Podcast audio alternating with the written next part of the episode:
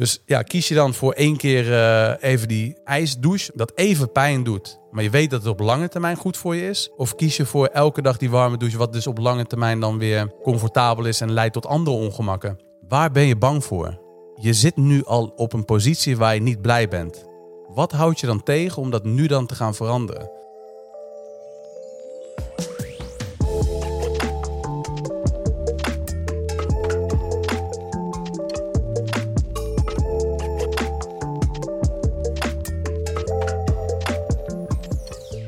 Welkom bij aflevering 31 van Barberio Podcast. Vandaag is eh, Robin Vredeveld weer teruggekomen uit eh, Rotterdam. Deel 2 van eh, de serie die we gaan opnemen. Um, een aantal weken geleden interviewde ik jou. En vandaag gaan we de rollen omdraaien waarbij Robin mij gaat interviewen. Um, ik wil wat meer mijn vakkennis gaan delen met jullie luisteraars. Ik uh, probeer zoveel mogelijk inspirerende gasten uit te nodigen in de podcast, waar Robin er natuurlijk ook een van was. Hij heeft zijn mooie verhaal verteld, uh, persoonlijke verhaal, ook zijn kennis met ons gedeeld. En vandaag wil ik eigenlijk hetzelfde dan gaan doen met jullie. Uh, mijn ervaring als uh, ja, fitnesscoach, life coach met jullie gaan delen. in de hoop jullie daarmee te inspireren of in ieder geval meer wegwijs te maken in de wereld van fitness, lifestyle, voeding en ja, mentale gezondheid. Alles wat erbij komt kijken om een gezonder en gelukkiger leven te leiden. En Robin uh, gaat mij daarin uh, interviewen. Dus uh, nou goed, welkom als interviewer dit keer. Ja, dankjewel. Top dat je het wil doen. Leuk dat je het aanbood. En ja. ik denk voor de luisteraars en kijkers misschien ook een keer interessant. Anders hoor ik het ook graag als het niks aan was. Zeker. maar goed, voor mij dan een thuiswedstrijd bij Soul Gym. de gym die, ja, waar ik elke dag ben. en ja, ik uh, zou zeggen, uh, ja, steek van wal. Ik ben benieuwd uh, naar de vragen die je op mij gaat afvuren. Ja, leuk. Nou, ik denk dat het ook leuk is om te vertellen waarom we dit ook doen. Wij hadden best wel een leuke klik met elkaar. En eigenlijk gaf ik toen aan van, hey, zou het niet eens een leuk idee zijn om, om de rollen om te draaien? Um, en iemand jou eens de vraag te laten stellen, want anders blijft er zoveel kennis ja, onbesproken. En ik vond het juist heel mooi als jij altijd de vraag stelt, uh, dan gaat het altijd over iemand anders. Ik dacht, wat is het uh, mooi als het een keer over jou mag gaan. Dus, uh... Ja, top. Nee, ja, mooi verwoord. Zo, zo ging het inderdaad. We hebben elkaar natuurlijk in een korte tijd, de laatste tijd, veel gesproken. Ja. Veel gezien. En ik denk dat dit een, ja, een mooi onderdeel ook is, zoals je aangeeft. Ja, en daarin ook super belangrijk. Ik ben hier dan geweest. Nou, jij was vol passie over hetgeen wat jij doet. Dus daarom ook mooi om het daar vandaag over te hebben. Dus ja, wat, wat doe jij? Ja, dat is een goede vraag. Hè. Voor de mensen die het niet weten, uh, ik ben vooral fulltime personal trainer, life coach. Ik vind personal trainer niet echt de lading geven. Ik ben niet echt fan van het woord life coach. Personal trainer dekt ook niet meer de lading van wat ik doe. Ik denk dat een personal trainer, zoals ik dat eigenlijk altijd ben geweest, vooral focust op mensen die willen afvallen, fitter worden en ja, hun voeding willen aanpassen. Um, maar ja, mijn trainingen die zijn echt een stuk breder. Dus ik uh, neem ook geen klanten meer aan die gewoon, hè, wat voor heel veel mensen heel moeilijk is, maar die gewoon 5 tot 10 kilo willen afvallen of misschien wel 30 kilo willen afvallen. Um, die komen trainen, die hun voeding gaan aanpassen door middel van een voedingsappje, wat een prima begin is om mee te starten. Als je ja, je voeding wilt gaan aanpassen, daarmee kun je heel goed uh, je kennis vergaren over hoe je nu vandaag eet. Um, maar voor mij, bij mij gaat het eigenlijk veel dieper. Dus ik uh, ja, neem eigenlijk echt alleen bij hoge uitzondering nog klanten aan. En die klanten moeten dan ook voldoen aan bepaalde eisen. Die eisen zijn vaak niet zo leuk. Dus die zijn echt door wat dieper, uh, door een dieper dal gegaan. Die mensen die hebben echt een groter probleem. En daarbij is even gaan trainen, even die voeding aanpassen, is gewoon echt niet voldoende de kern van hun problemen die uh, vereist een veel diepere aanpak. Uh, ik denk ook dat de ervaring die ik dan heb als ja, personal trainer veel meer van, uh, van toepassing is. Ik wijd graag uit over mentale problemen, mentale gezondheid. Dat komt natuurlijk ook heel veel terug in de podcast. Dus eigenlijk alles wat in de podcast besproken wordt, of de type gasten die ik nu vooral de laatste tijd heb uitgenodigd. In het begin was dat nog wel een beetje aan het variëren. Dat een business coach of iemand over cryptocurrency kwam vertellen, dat gebeurt niet meer. Maar je merkt nu heel goed dat in de lijn van de gasten die ik heb, en daar zit jij natuurlijk ook bij, dat het gaat om, om het totaalplaatje. Waarom valt iemand al 10 tot 20 jaar niet af en komt aan, valt af. Waarom heeft iemand zoveel problemen om uiteindelijk naar de sportschool te gaan? Wat, wat zit daarachter? Dus dat vind ik ook interessant. En dat houdt ook in dat sommige trainingen veel meer gepraat wordt dan echt getraind. En als mensen hier echt komen bij Soul Gym om, uh, ja, om dus gewoon die 5 tot 10 kilo af te vallen of uh, aan voeding willen werken, dan hebben we een fantastisch team hier klaarstaan met andere trainers die ik dan inzet. Uh, ik zorg ook dat het een goede match is. Dus de intakes doe ik wel zelf bij Soul Gym als mensen hier komen om fitter te worden of gezonder te worden, af te vallen. En dan kijk ik ook op basis van de agenda en van wat voor persoon ik voor me heb, welke trainer daar het beste bij past. Die koppel ik aan elkaar. En dan gaan zij werken voor in ieder geval zes maanden. Ik probeer ook altijd mensen wel gewoon voor een wat langere termijn hier vast te leggen. Omdat we dan echt goed de gelegenheid krijgen om problemen die, ja, die zijn niet in zes maanden ontstaan. Vaak in vijf tot tien jaar of langer. Ja. ja die kun je niet in drie maanden oplossen.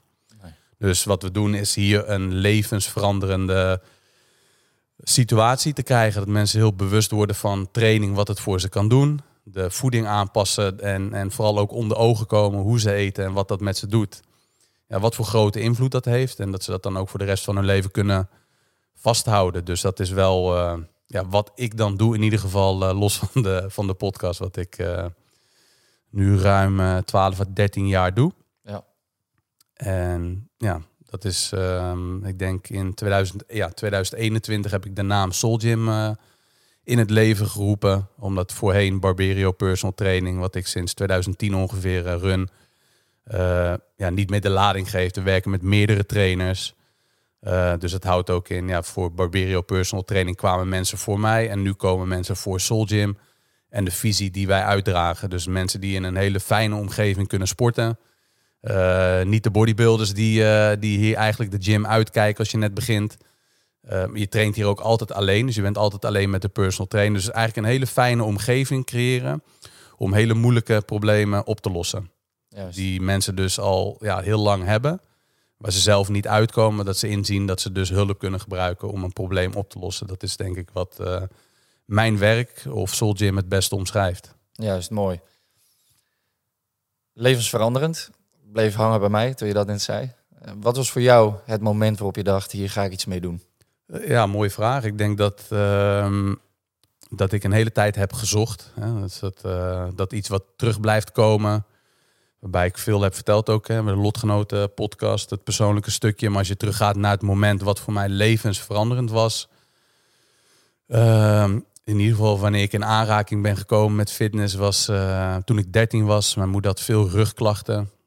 Ehm, en kreeg uiteindelijk een hernia, moest gaan trainen. Toen was ik 13. En zij moest toen gaan trainen, ging bij uh, All In hier in Utrecht uh, op de Vlampijpstraat uh, beginnen met trainen. En zij moest toen vooral cardio doen. Het geeft ook een beetje aan wat voor kennis er toen beschikbaar was om, om van klachten af te komen. Ook met afvallen, maar ook met hernia klachten. zou ik nu zeker afraden om, om eerst cardio te gaan doen, maar juist eerst krachttraining om je lichaam sterker te maken. Even dat terzijde. Maar goed, zij ging de cardio kant op. Dat was de kant, de ene zijde.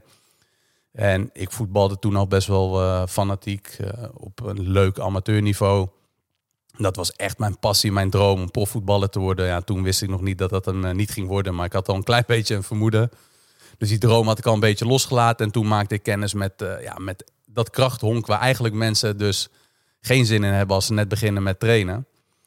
Ik kwam in een sportschool waar echt een bodybuild cultuur heerste.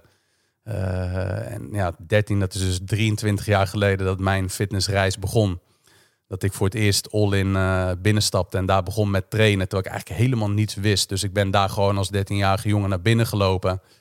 En aan de eerste, de beste bodybuilder gevraagd van, hey, uh, hoe werkt dit allemaal? En zo ben ik oefening voor oefening een beetje gaan kijken wat zij aan het doen waren. iets wat ik wel een keer had gezien. Dus ja, zo is dat voor mij allemaal een beetje begonnen. En toen merkte ik wel wat voor een gevoel mij dat gaf. Je staat dan als jonge jongen tussen allerlei andere mannen die met hun lichaam bezig zijn. Beetje macho cultuur, wat, uh, wat als 13-jarige jongen misschien uh, toch ook wel voor mij uh, heel interessant was. Ik dacht ook van ja, daar wil ik wel meer over weten. En toen ben ik dat vaker gaan doen. En toen is mijn moeder op een gegeven moment gestopt met, met trainen daar. En toen ben ik eigenlijk blijven trainen en nooit meer gestopt. Toen merkte ik ook wat voor een goed gevoel mij dat gaf. En in het begin was het vrij onschuldig. En later merkte ik toch ook wel dat ik, wanneer ik bijvoorbeeld een keer een rotdag had en ja, het ging op school niet zo lekker of het ging thuis niet zo lekker, dat ik dacht van ja, daar moet ik naartoe. Ik ga even naar de train, of eh, even trainen. En elke keer na de training merkte ik gewoon dat ik me een soort van opgelucht voelde. Dus ja, je, je merkt natuurlijk ook door krachttraining dat je sterker wordt, fysiek. Maar ook je mentale gezondheid ook, waar ik toen nog helemaal niet mee bezig was. Het, het kwam en het ging gewoon. Het was meer allemaal toevallig dan dat ik daar heel bewust mee bezig was. Ik merkte wel van, hey, krachttraining geeft mij een lekker gevoel. Het is puur alleen voor dat gevoel. Ik word er fysiek sterker van. Dat vond ik leuk om mijn lichaam zo te zien veranderen. Ik was ook echt een van de weinigen in mijn leeftijdscategorie die toen al trainde. Want toen, ja, op die ja, 23 jaar geleden, uh, had je heel weinig 13-jarigen die toen naar de sportschool gingen. Eigenlijk mocht het toen ook nog niet. En dat, ik vind dat niet kloppen. Ik denk dat je vanaf elke leeftijd naar de sportschool kan gaan. Als je maar op uh, een hele milde intensiteit begint en ook gewoon je lichaam laat wennen aan die veranderingen. Want bijvoorbeeld voetbal, kickboksen. jaar, dan mag je al voetballen. Ja, precies. Terwijl dat veel heftigere belasting is voor je lichaam dan fitness op 20 of 30 procent van je maximale kracht. Wat voor, voor een jong kind hartstikke goed is om dat te doen tot misschien wel 50, 60 procent van je maximale kracht. Kun je, kan je lichaam daar hè, met de juiste techniek prima mee omgaan. Dus iedereen die twijfelt of een 13-jarige of jongen mag fitnessen, ja, zeker. Maar dan wel onder de begeleiding die ik toen niet had gehad. Ik denk ook wel dat ik op iets jongere leeftijd al toch sneller begon met wat zwaarder trainen. En natuurlijk als je jong bent is dat heel verleidelijk. En ik denk dat dat dan ook het gevaar gelijk is. Dus ja, het kan zeker, maar zorg dat je goede begeleiding krijgt. Juist. Nou, die begeleiding die, die leveren jullie hier bij Soldier. Ja. Wat is dan hetgeen waarvan we zeggen van oké, eh, ja, waarom komen we naar jou? Ja, ik denk dat het heel belangrijk ook is dat het een gym is waar je je goed, uh, goed bij voelt. Ik heb uh, net eerder beschreven wat wij precies doen. Ik denk dat wat uniek is, is dat we hier echt... Ja, dus we hebben 300 vierkante meter opgedeeld in uh, drie ruimtes. In plaats van één grote ruimte van 300 vierkante meter... waar dus meerdere trainingen tegelijk plaatsvinden in één ruimte. Want dan heb je dus die privacy niet. Ja. Ik vind de definitie van personal training... vind ik dat je dus ook echt personal training krijgt. Als je echt persoonlijk met mensen de diepte in wilt... en je wilt dat ze ook dus... Um, ja, helemaal open en kwetsbaar kunnen zijn. Dus ook zich niet schamen als het een keer minder gaat. Of als ze een keer een voedingsappje niet hebben ingevuld. Of als ze een keer op de weegschaal gaan staan dat ze een rotgevoel krijgen. Dat er maar één vertrouwenspersoon bij is. Met iemand met wie een band opbouwt. En op het moment dus dat je een grotere ruimte hebt met meer mensen, heb je toch dat iemand niet helemaal zichzelf kan zijn. Of zichzelf helemaal kwetsbaar kan opstellen. Of zichzelf helemaal uh, geeft aan de trainer. Wat voor ons heel belangrijk is. Als jij ja, ons niet alles vertelt, kunnen we jou niet helpen. Als je ons niet 100% vertrouwt, kunnen we jou niet goed helpen. Dus die sfeer creëren zorgt ook voor uh, mooiere resultaten. Dat mensen hier toch wel liever komen. Dus het stukje ook dat het echt persoonlijk is. We kijken ook naar trainers die passen bij de Soul cultuur. En die cultuur is eigenlijk ook dat ze uh, ja, verbinding, een woord wat heel veel naar voren komt. Dat je dus ook echt eerst in verbinding komt met iemand. Iemand bij wie je je dus kwetsbaar kan opstellen. Iemand die niet oordeelt iemand die niet uh, ja, een extreme bodybuilder is. Uh, die type trainers die werken hier niet. Uh, dus ja, je moet je ook wel een beetje kunnen vinden in de persoon of ja, raakvlak hebben met de persoon die je traint. Het houdt ook in dat elke trainer die hier werkt ook zijn eigen problemen heeft. ook aan zichzelf werkt om een beter persoon te worden. Dus daarmee creëren wij een raakvlak uh, met degene die hier komt trainen. We zorgen dus ook dat er een goede match plaatsvindt. Dus elke keer als er een intake plaatsvindt, dat de juiste trainer daar, daaraan gekoppeld wordt. Uh, dat mensen op hun eigen tijden kunnen sporten. We beginnen om 7 uur s ochtends. En we eindigen rond 10 uur s avonds. Dus er zijn altijd wel tijdslots beschikbaar dat mensen kunnen trainen die uh, aan hun agenda voldoet. En daarnaast ook het persoonlijke stukje. Ja, natuurlijk ook met de trainen. Maar ook dat je in een ja, je hele, de hele ruimte. Je hebt 100 vierkante meter met uh, kwalitatief apparatuur voor jezelf. Juist. Dus um, kijk, uniek uh, ben ik nooit zo mee bezig wat ons uh, unique selling point is. Ik zeg dat wel vaker. Omdat ieder persoon, ieder bedrijf is al uniek elke trainer die hier werkt, daar is, er niet, daar is niet een andere van. Dus ik probeer daar niet zo heel veel um, nadruk op te leggen wat ons uniek maakt, omdat elke persoon is uniek. Net zoals elke klant is ook uniek. Iedereen heeft zo zijn eigen verhaal, iedereen heeft zijn eigen sterke punten en iedereen heeft zo zijn eigen zwakke punten. En het is belangrijk dat je die kent. En zo kunnen wij dus daar ook heel makkelijk mensen aan elkaar koppelen. Dus iemand die echt eh, iemand wil die flink staat te schreeuwen, hoge energie heeft als trainer. Ja, als een klant dat nodig heeft, kun je die heel makkelijk aan elkaar koppen. En, en ik denk dat we daarin, omdat we dus best wel eh, wat ruimte hebben, drie keer 100 vierkante meter en best wel wat trainers, inmiddels zeven en we zijn nog aan het uitbreiden, kunnen we ook steeds meer kiezen uit van nou, die trainer past bij deze klant. Dus we hebben keuze, we hebben de ruimte en natuurlijk de ervaring die heel belangrijk is, die ik ook probeer door te geven. Ehm, ja, mensen kunnen natuurlijk ook los van als ze hier trainen, ook gewoon kijken op social media, genoeg content uh, waar ze wat aan kunnen hebben. En als ze dan binnenkomen, dus het is eigenlijk veel meer dan het trainen, want het gaat ook het persoonlijke stuk. Wat voor mensen moet ik, waar denken we dan aan? Wie, wie komt er dan? Uh, uh, ja, dan? het is heel variërend. Dus het zijn mensen die ja, voor een bedrijf werken of mensen die een eigen bedrijf hebben. Mijn klantenbestand bestaat vooral uit ondernemers, maar ja, ook genoeg wel mensen die um, die voor een bedrijf werken. Um, mensen die dus echt al langer tegen een probleem aanlopen. Dus de gelijkenissen die ze hebben, hè, los van uh, of ze zelfstandig zijn of uh, voor een bedrijf werken, hebben ze allemaal dezelfde gelijkenissen. Ze lopen al langer met een bepaald probleem, waarbij ze hebben ingezien dat één, het niet zo verder kan. En twee, dat ze daar ook echt aan willen werken. En daar ook hulp bij nodig hebben. Juist. Dus dat is denk ik uh, de basis waar mensen mee binnenkomen. En ja, dat ze een goed gevoel hebben ook bij de gym. Dus ik probeer ook door middel van de website hetgene wat ik hier nu net aan jou vertel, op de website een beetje kenbaar te maken. Als mensen zoeken naar een personal training gym, weten ze al dat het veel geld gaat kosten. Ze weten al dat ze het zelf niet gaan doen. En ja, ze weten dat ook echt wat moet gaan veranderen. En dan, ja, dan is het een kwestie van smaak en voorkeur waarom ze dan uiteindelijk hier terechtkomen.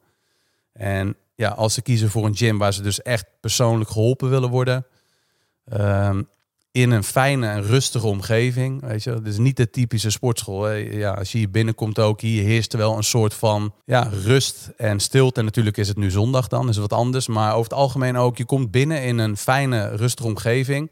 Maar er wordt wel hard geknald. Dat is wel weer even een belangrijk eh, element. Het is niet Soul Gym. We gaan uh, op een matje liggen en alleen maar nee. mediteren en uh, ja ja, proberen te manifesteren wat je uiteindelijk in de toekomst wilt bereiken. En er moet ook hard gewerkt worden. Ja, precies. Dus wat ik heel belangrijk vind, vaak zelf ook wanneer iets um, de harde waarheid gepresenteerd wordt, is dat je weet dat het vanuit een liefdevolle positie komt. Ik denk dat die combinatie het allerbelangrijkste is. Dat presenteren van de waarheid of vanaf een liefdevolle positie komt, dat mensen dat ook weten.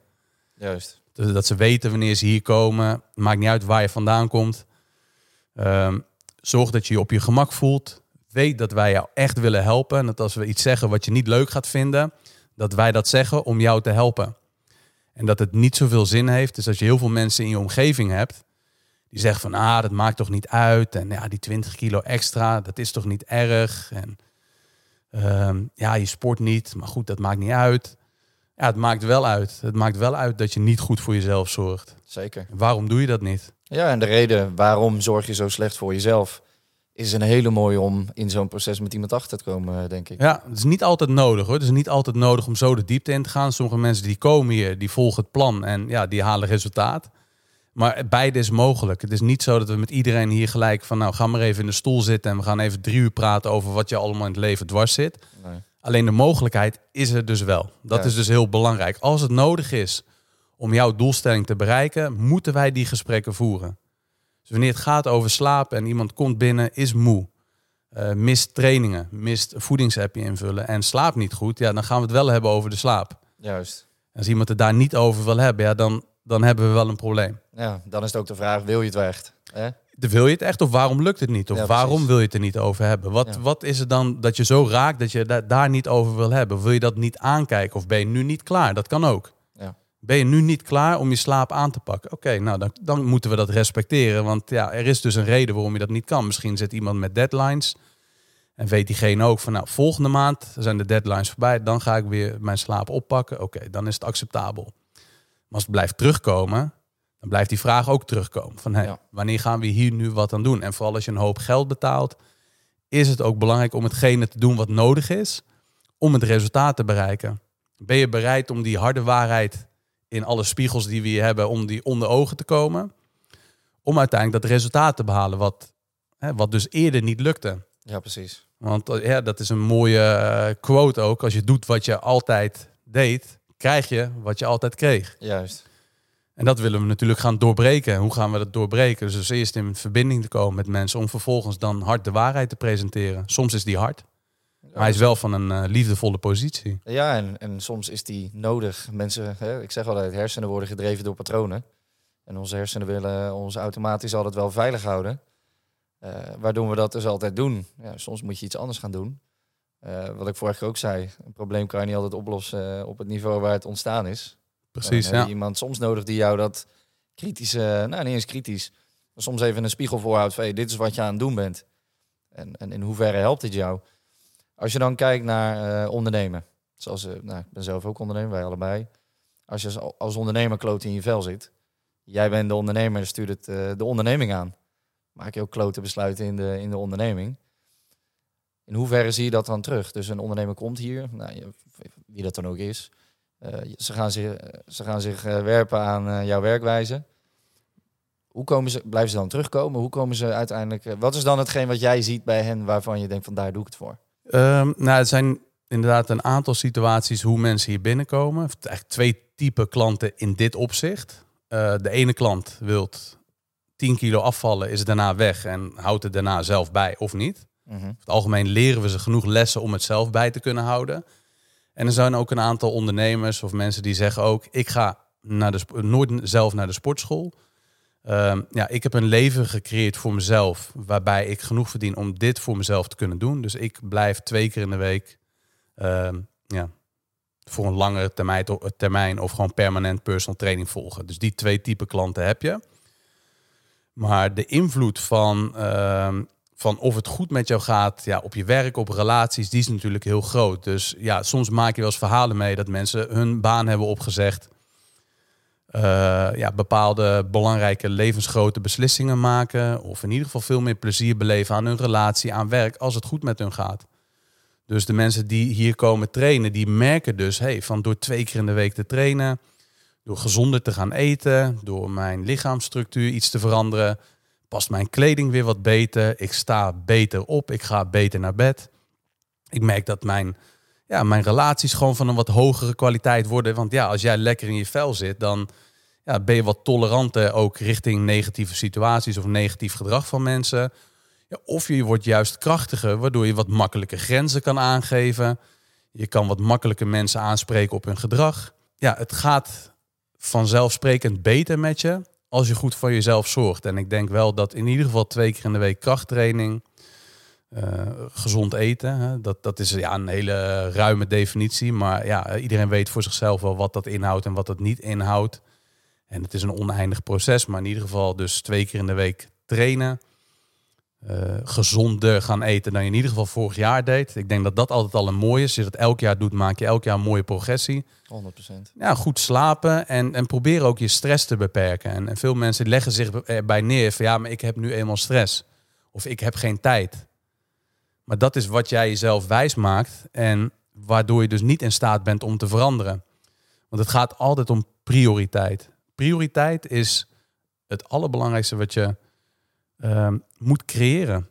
En als dat niet gebeurt, ja, dan krijg je dus de gevolgen van geen prioriteit maken van je gezondheid. En als je geen prioriteit maakt uh, van je gezondheid, ga je dus gevolgen ervaren. Je gaat je minder fit voelen, je libido gaat omlaag, je slaapt minder, je relaties zijn van mindere kwaliteit, je presteert minder op werk. Ook al presteer je voor je gevoel nu heel goed op werk, het is altijd minder dan wanneer je goed voor jezelf zorgt. Dus ja, als je deze podcast luistert en je denkt van nou, ik ben nu al heel tevreden over mijn leven. Laat staan als je dus niet traint en je bent al heel tevreden. Hoe mooi het dan nog kan worden. Het kan eigenlijk alleen maar beter worden. Als je dus die tools nog kan inzetten en je hebt al een fijn leven, dan is het heel mooi.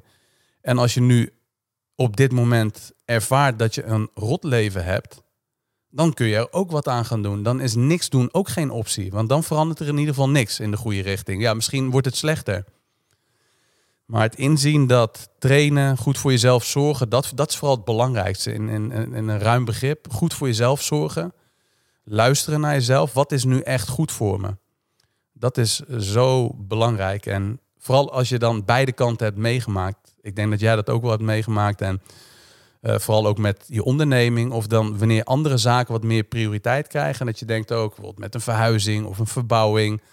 Of een andere stressvolle periode. Bijvoorbeeld in een relatie of andere dingen.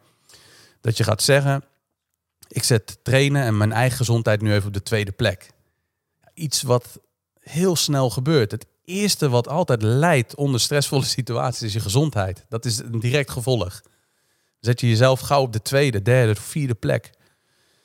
Maar iedereen ervaart wel eens een periode. En vooral ook wanneer je beide kanten kent. Dus wanneer je niet traint, niet goed voor jezelf zorgt, hoe voel je je dan? Kun je dat gevoel nog voor je halen, hoe jij je voelt wanneer je niet traint en niet goed voor jezelf zorgt en daardoor dus niet goed slaapt en wat meer stress ervaart? Hoe voel je dan? En hoe voel je dus wanneer je dus nee zegt tegen mensen en ja zegt tegen jezelf? Hoe voel je je dan? Ja, en als je dat verschil naast elkaar legt, dan kun je heel goed met elkaar vergelijken. Maar wanneer je dat verschil niet kent, Ehm, wanneer je eigenlijk altijd ja, heel comfortabel en eigenlijk een prima leven hebt, nou, dat, dan, dan ken je dus ook misschien die andere fase niet. Van het gaat heel slecht met me, dus ik moet wel veranderen. Ja, of je hebt dus beide ervaren. Dus het is een keer slecht met je gegaan en het is een keer goed met je gegaan. Ja, wat, wat ervaar je dan? En wat ga je dan doen om dat leven weer terug op de rit te krijgen? Omdat er uiteindelijk maar één persoon is in jouw leven die jouw leven weer op de rit kan krijgen. Dat ben je zelf.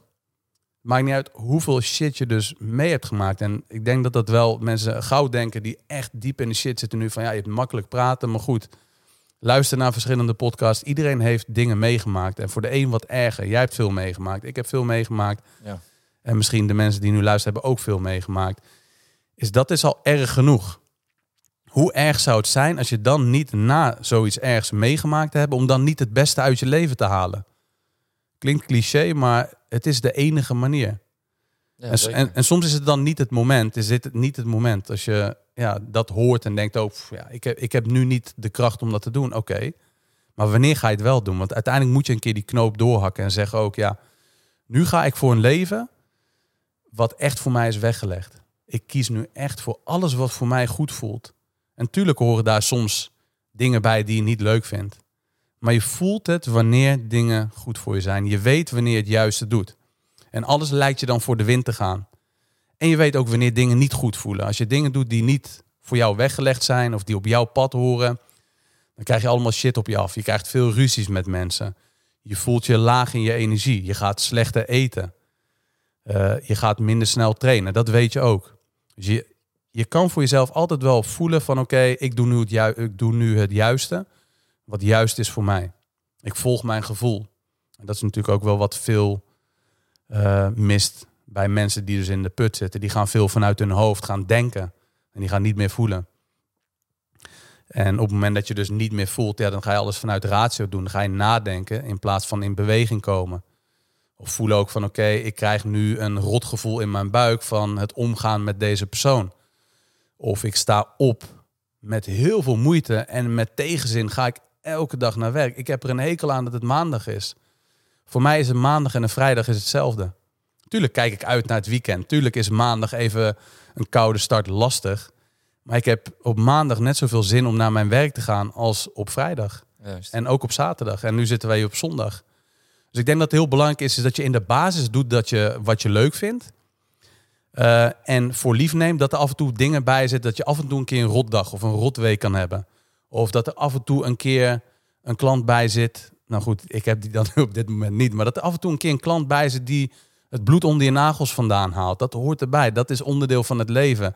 Maar wanneer het andersom is, wanneer je dus eigenlijk elke dag een, ja, eh, met een rotgevoel naar je werk gaat. Dat je een, een eikel van een baas hebt. Of dat je een relatie hebt waarbij het dus echt 90% van de tijd gewoon niet leuk is. En het is 10% van de tijd wel leuk dan zit je in de omgekeerde wereld. De wereld waar je niet in moet zitten. Dat wil niet zeggen dat je gelijk je baan moet opzeggen of dat je gelijk je relatie moet beëindigen. Maar je moet kritischer gaan kijken naar de situatie waar je nu in zit. En voel je je inderdaad echt oprecht gelukkig? Of ja, weet je niet wat dat inhoudt? En oprecht gelukkig zijn is, is ook wel iets wat, wat je nooit 100% van de tijd bent. Maar ik vind die 90-10 regel vind ik in heel veel gevallen heel goed. Bijvoorbeeld ook met 90% gezond eten, 10% ongezond. Balans. Ja, 90% van de tijd je goed voelen en 10% van de tijd wat minder. 90% van de tijd je fit voelen en 10% wat minder. Eh, ja, en zo kun je nog wel even doorgaan. En, en zo zou het moeten zijn. Natuurlijk kan het wel eens een keer uit balans raken. Maar uiteindelijk kom je dan wel terug op die 90-10 regel. En als je nu op dit moment ervaart dat die, eh, ja, dat die regels niet in balans zijn, is het goed om daar kritisch naar te kijken. En wat je dan wel vaak merkt, is dat mensen heel snel zeggen ook, ja, maar voor mij is dit niet mogelijk. Ik kan hier nu niks mee doen. Uh, ik kan mijn baan niet opzeggen, want ik heb een hypotheek. Ik kan mijn relatie niet beëindigen, want we hebben samen een hypotheek. Al die redenen om het niet te doen, beperkende ja. overtuigingen, ja. uh, patronen waar ze door gedreven zijn. Ja, dus dat, dat, is, ja, dat is dan een manier om te zeggen ook, ja, ik ga me erbij neerleggen. Of je gaat beseffen dat als je nu zo over die situatie denkt, van, ja, ik moet eigenlijk een einde maken aan deze situatie, de relatie of het werk of ja. de patronen die je nu hebt. Je hoeft niet in één keer van 0 naar 100 te gaan. Je hoeft niet in één keer die relatie te beëindigen. Je kan ook gaan kijken naar een tussenoplossing. Stap voor stap te werk gaan. Van oké, dit werkt in ieder geval niet. Hiermee ga ik in ieder geval niet door. Juist. Um, vaak wordt er zwart-wit gedacht. Ik moet 10 kilo afvallen en daarvoor moet ik vier keer per week naar de sportschool. Daarvoor moet ik heel veel opofferingen maken. Nee, dat is niet zo. En stel je voor je wilt 10 kilo afvallen en, en begin eens met 2 kilo afvallen. Dan voel je in ieder geval al beter en dan kun je in ieder geval krachtigere keuzes maken. En vaak op weg naar jouw doelstelling gaan er meer deuren open. Dus wanneer je dus in een klote situatie zit, en je legt je er eigenlijk bij neer dat allerlei redenen uh, ja, uh, acceptabel zijn. Want elk excuus is natuurlijk legitiem. En dan weer een reden om het niet te doen. En een reden om niet, om als jij, niet te starten. Ja, als jij vindt, ja, ik kan dit nu niet doen, het, het werkt voor mij niet. Nou goed, dan, ja, dan is dat zo. Niemand kan er wat aan veranderen. Juist. Tenzij je op een gegeven moment zegt ook, nou weet je, uh, het is zwart-wit. Dit lukt niet. Of ja, het lukt, maar dan is het gelijk het ene uiterste. Kun je ook zeggen, ik ga gewoon stappen in de goede richting maken. Ik heb geen geld voor de sportschool. Ik ga in ieder geval elke dag 10.000 stappen maken. Ik heb geen geld voor biologisch eten. Ik ga dan bij de boer ga ik groter inkopen. Om maar een voorbeeld te geven. En dan kun je ook geld. Er zijn altijd oplossingen, zolang je maar niet in zwart-wit denkt. Ik denk dat het ook heel belangrijk is wat je zegt. Hè? Als jij tegen iemand zegt, doe eens duizend push-ups. Dan zeggen ze, nee, dat kan ik helemaal niet. Dat is een beperkende overtuiging. Maar het ligt eraan hoe je dat wil zien. Want als ik zeg, doe er duizend, dan betekent dat, ik vraag eigenlijk aan jou, wil je vandaag duizend doen? Maar dat betekent niet dat je ze in één keer moet doen. Dat betekent dat je misschien wel tien keer 100 push-ups doet en dan kom je er ook uit. Of dat je er twintig keer uh, een aantal keren moet opsplitsen. En dan is het ineens behapbaar. Dus heel veel mensen hebben de perceptie van ik moet dus dit.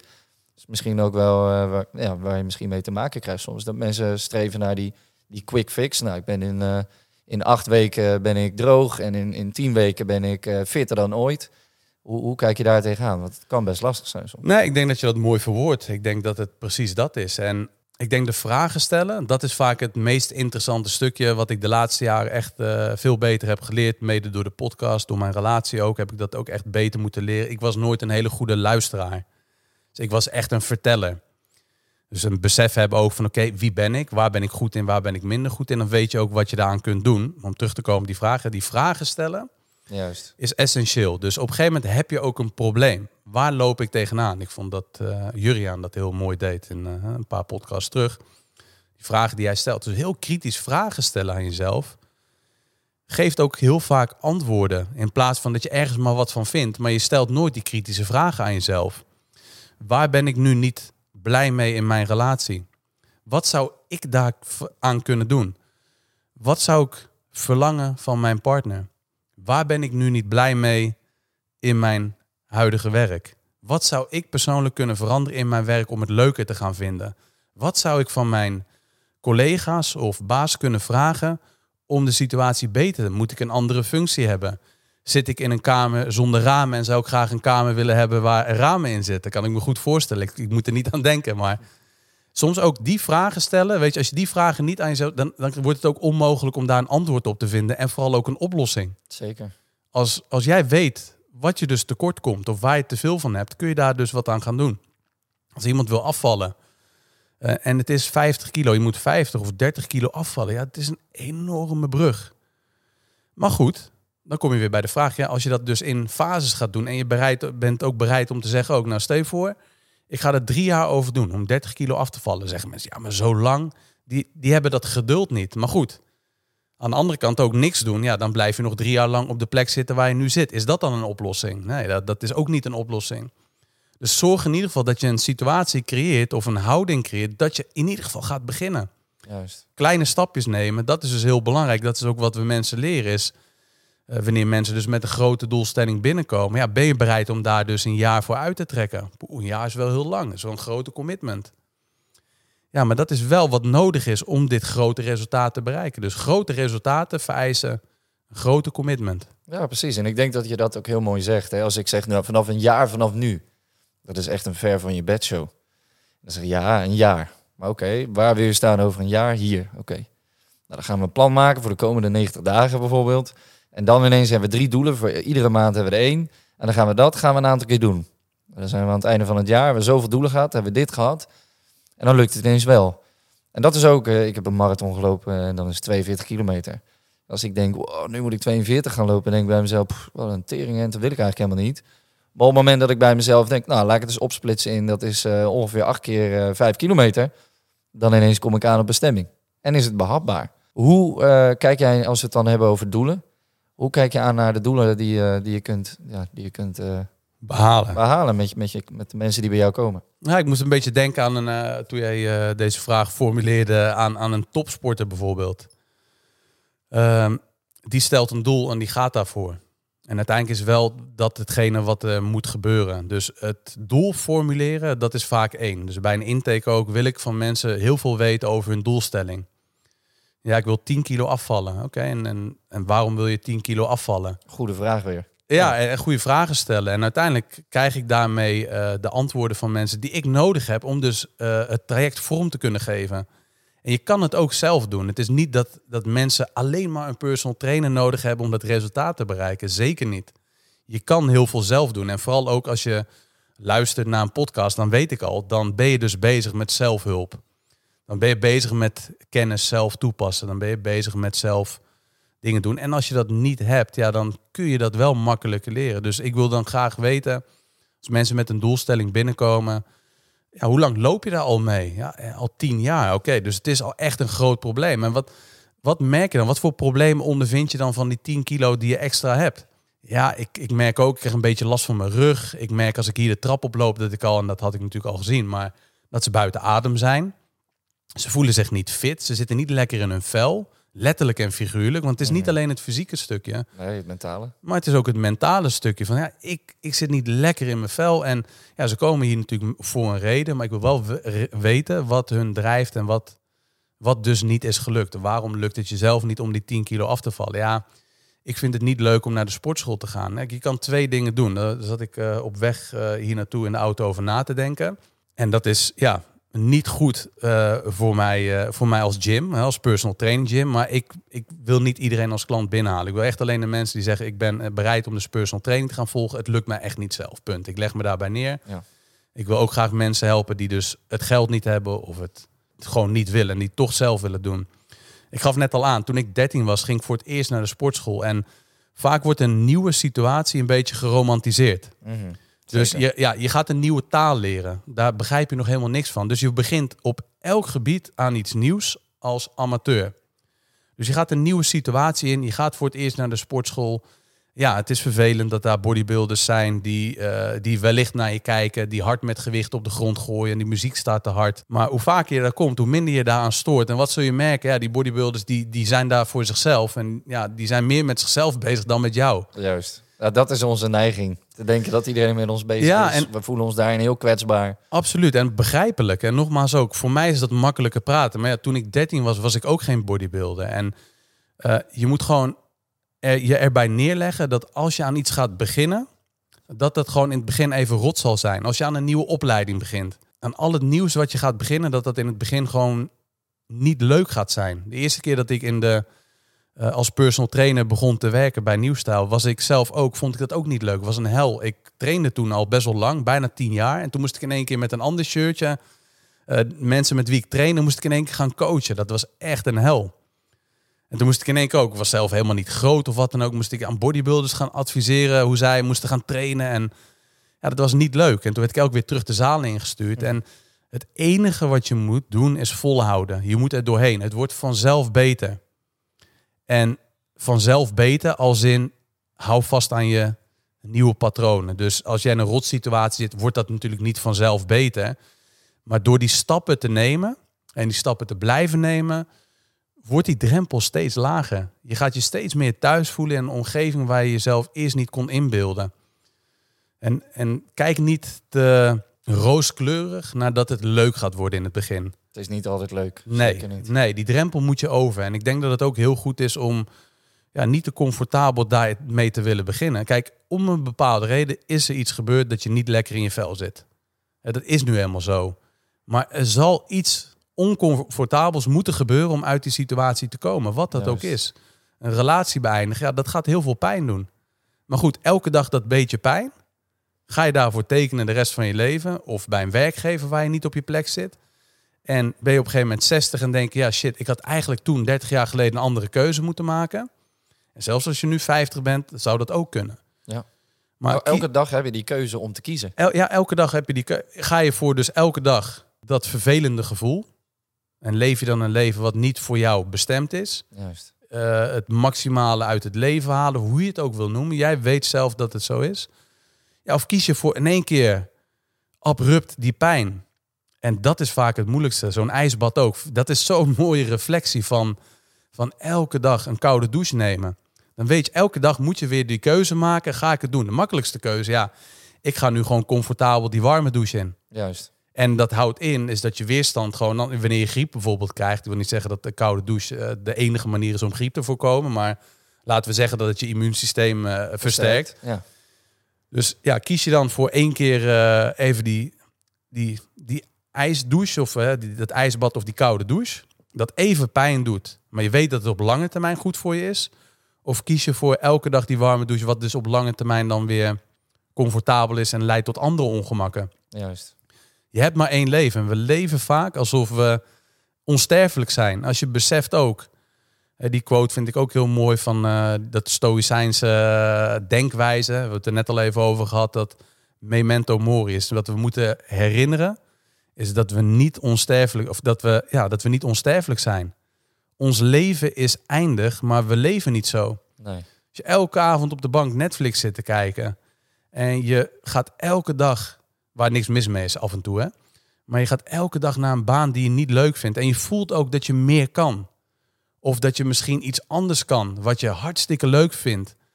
En je verdient misschien 10 tot 20 procent minder, maar je doet dan wat je echt leuk vindt. En daar heb je ook groeimogelijkheden. Bijvoorbeeld tijdelijk minder te verdienen.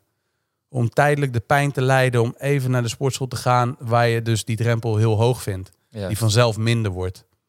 Ooit ga je er thuis voelen als je dus die drempel overgaat. En dat is wel de goedkoopste oplossing om zelf naar de sportschool te gaan. Om zelf een voedingsappje bij te houden. Dat zijn allemaal bijna kosteloze dingen. Voor 30 euro per maand, volgens mij nog minder zelfs, kun je, twee, kun je, kun je elke dag naar de sportschool. Je kan daar zelfs douchen, dan kun je geld besparen. Eh, bij sommigen kun je zelfs voor 30 euro kun je nog in de sauna zelfs ook. Ja. Je kan daar koud douchen. En moet ik zeggen ook, dat zou ik niet direct na je training doen. Nee, zeker niet. Eerste uurtje na je training. Voor alle Precies. luisteraars, doe het niet. Dat is een kleine tip ook tussendoor.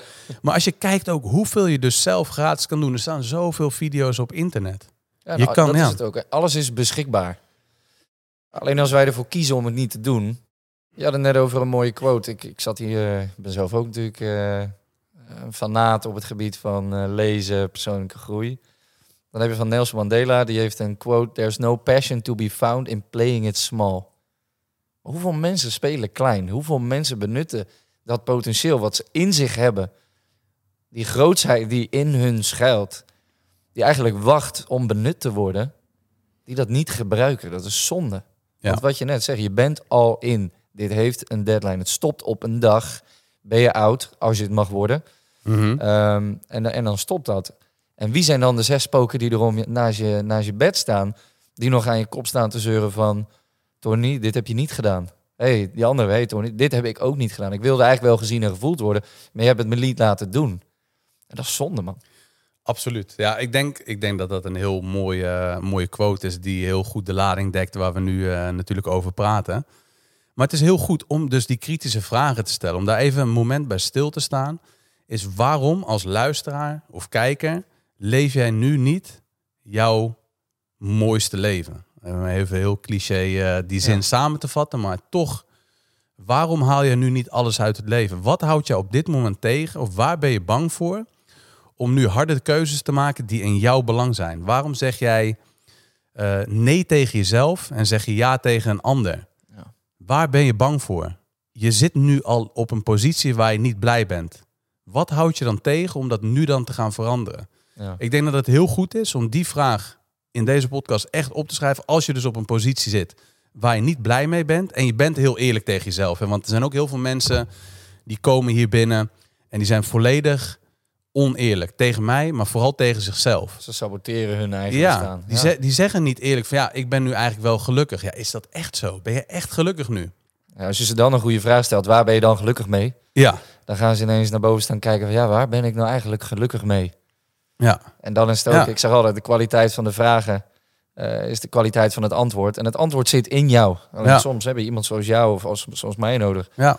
die je die vragen stelt, die niet altijd even leuk zijn, maar wel super noodzakelijk. Want ja, als dat lichtje er nu niet in zit, hè, dat zit er wel in, maar niet aanstaat, dan Ja. ben jij degene die aan het touwtje trekt. Hè. Je, hebt- je, hebt- nu moet je even zo'n lamp voor je zien waar je aan een touwtje trekt en dan gaat het lampje ineens aan.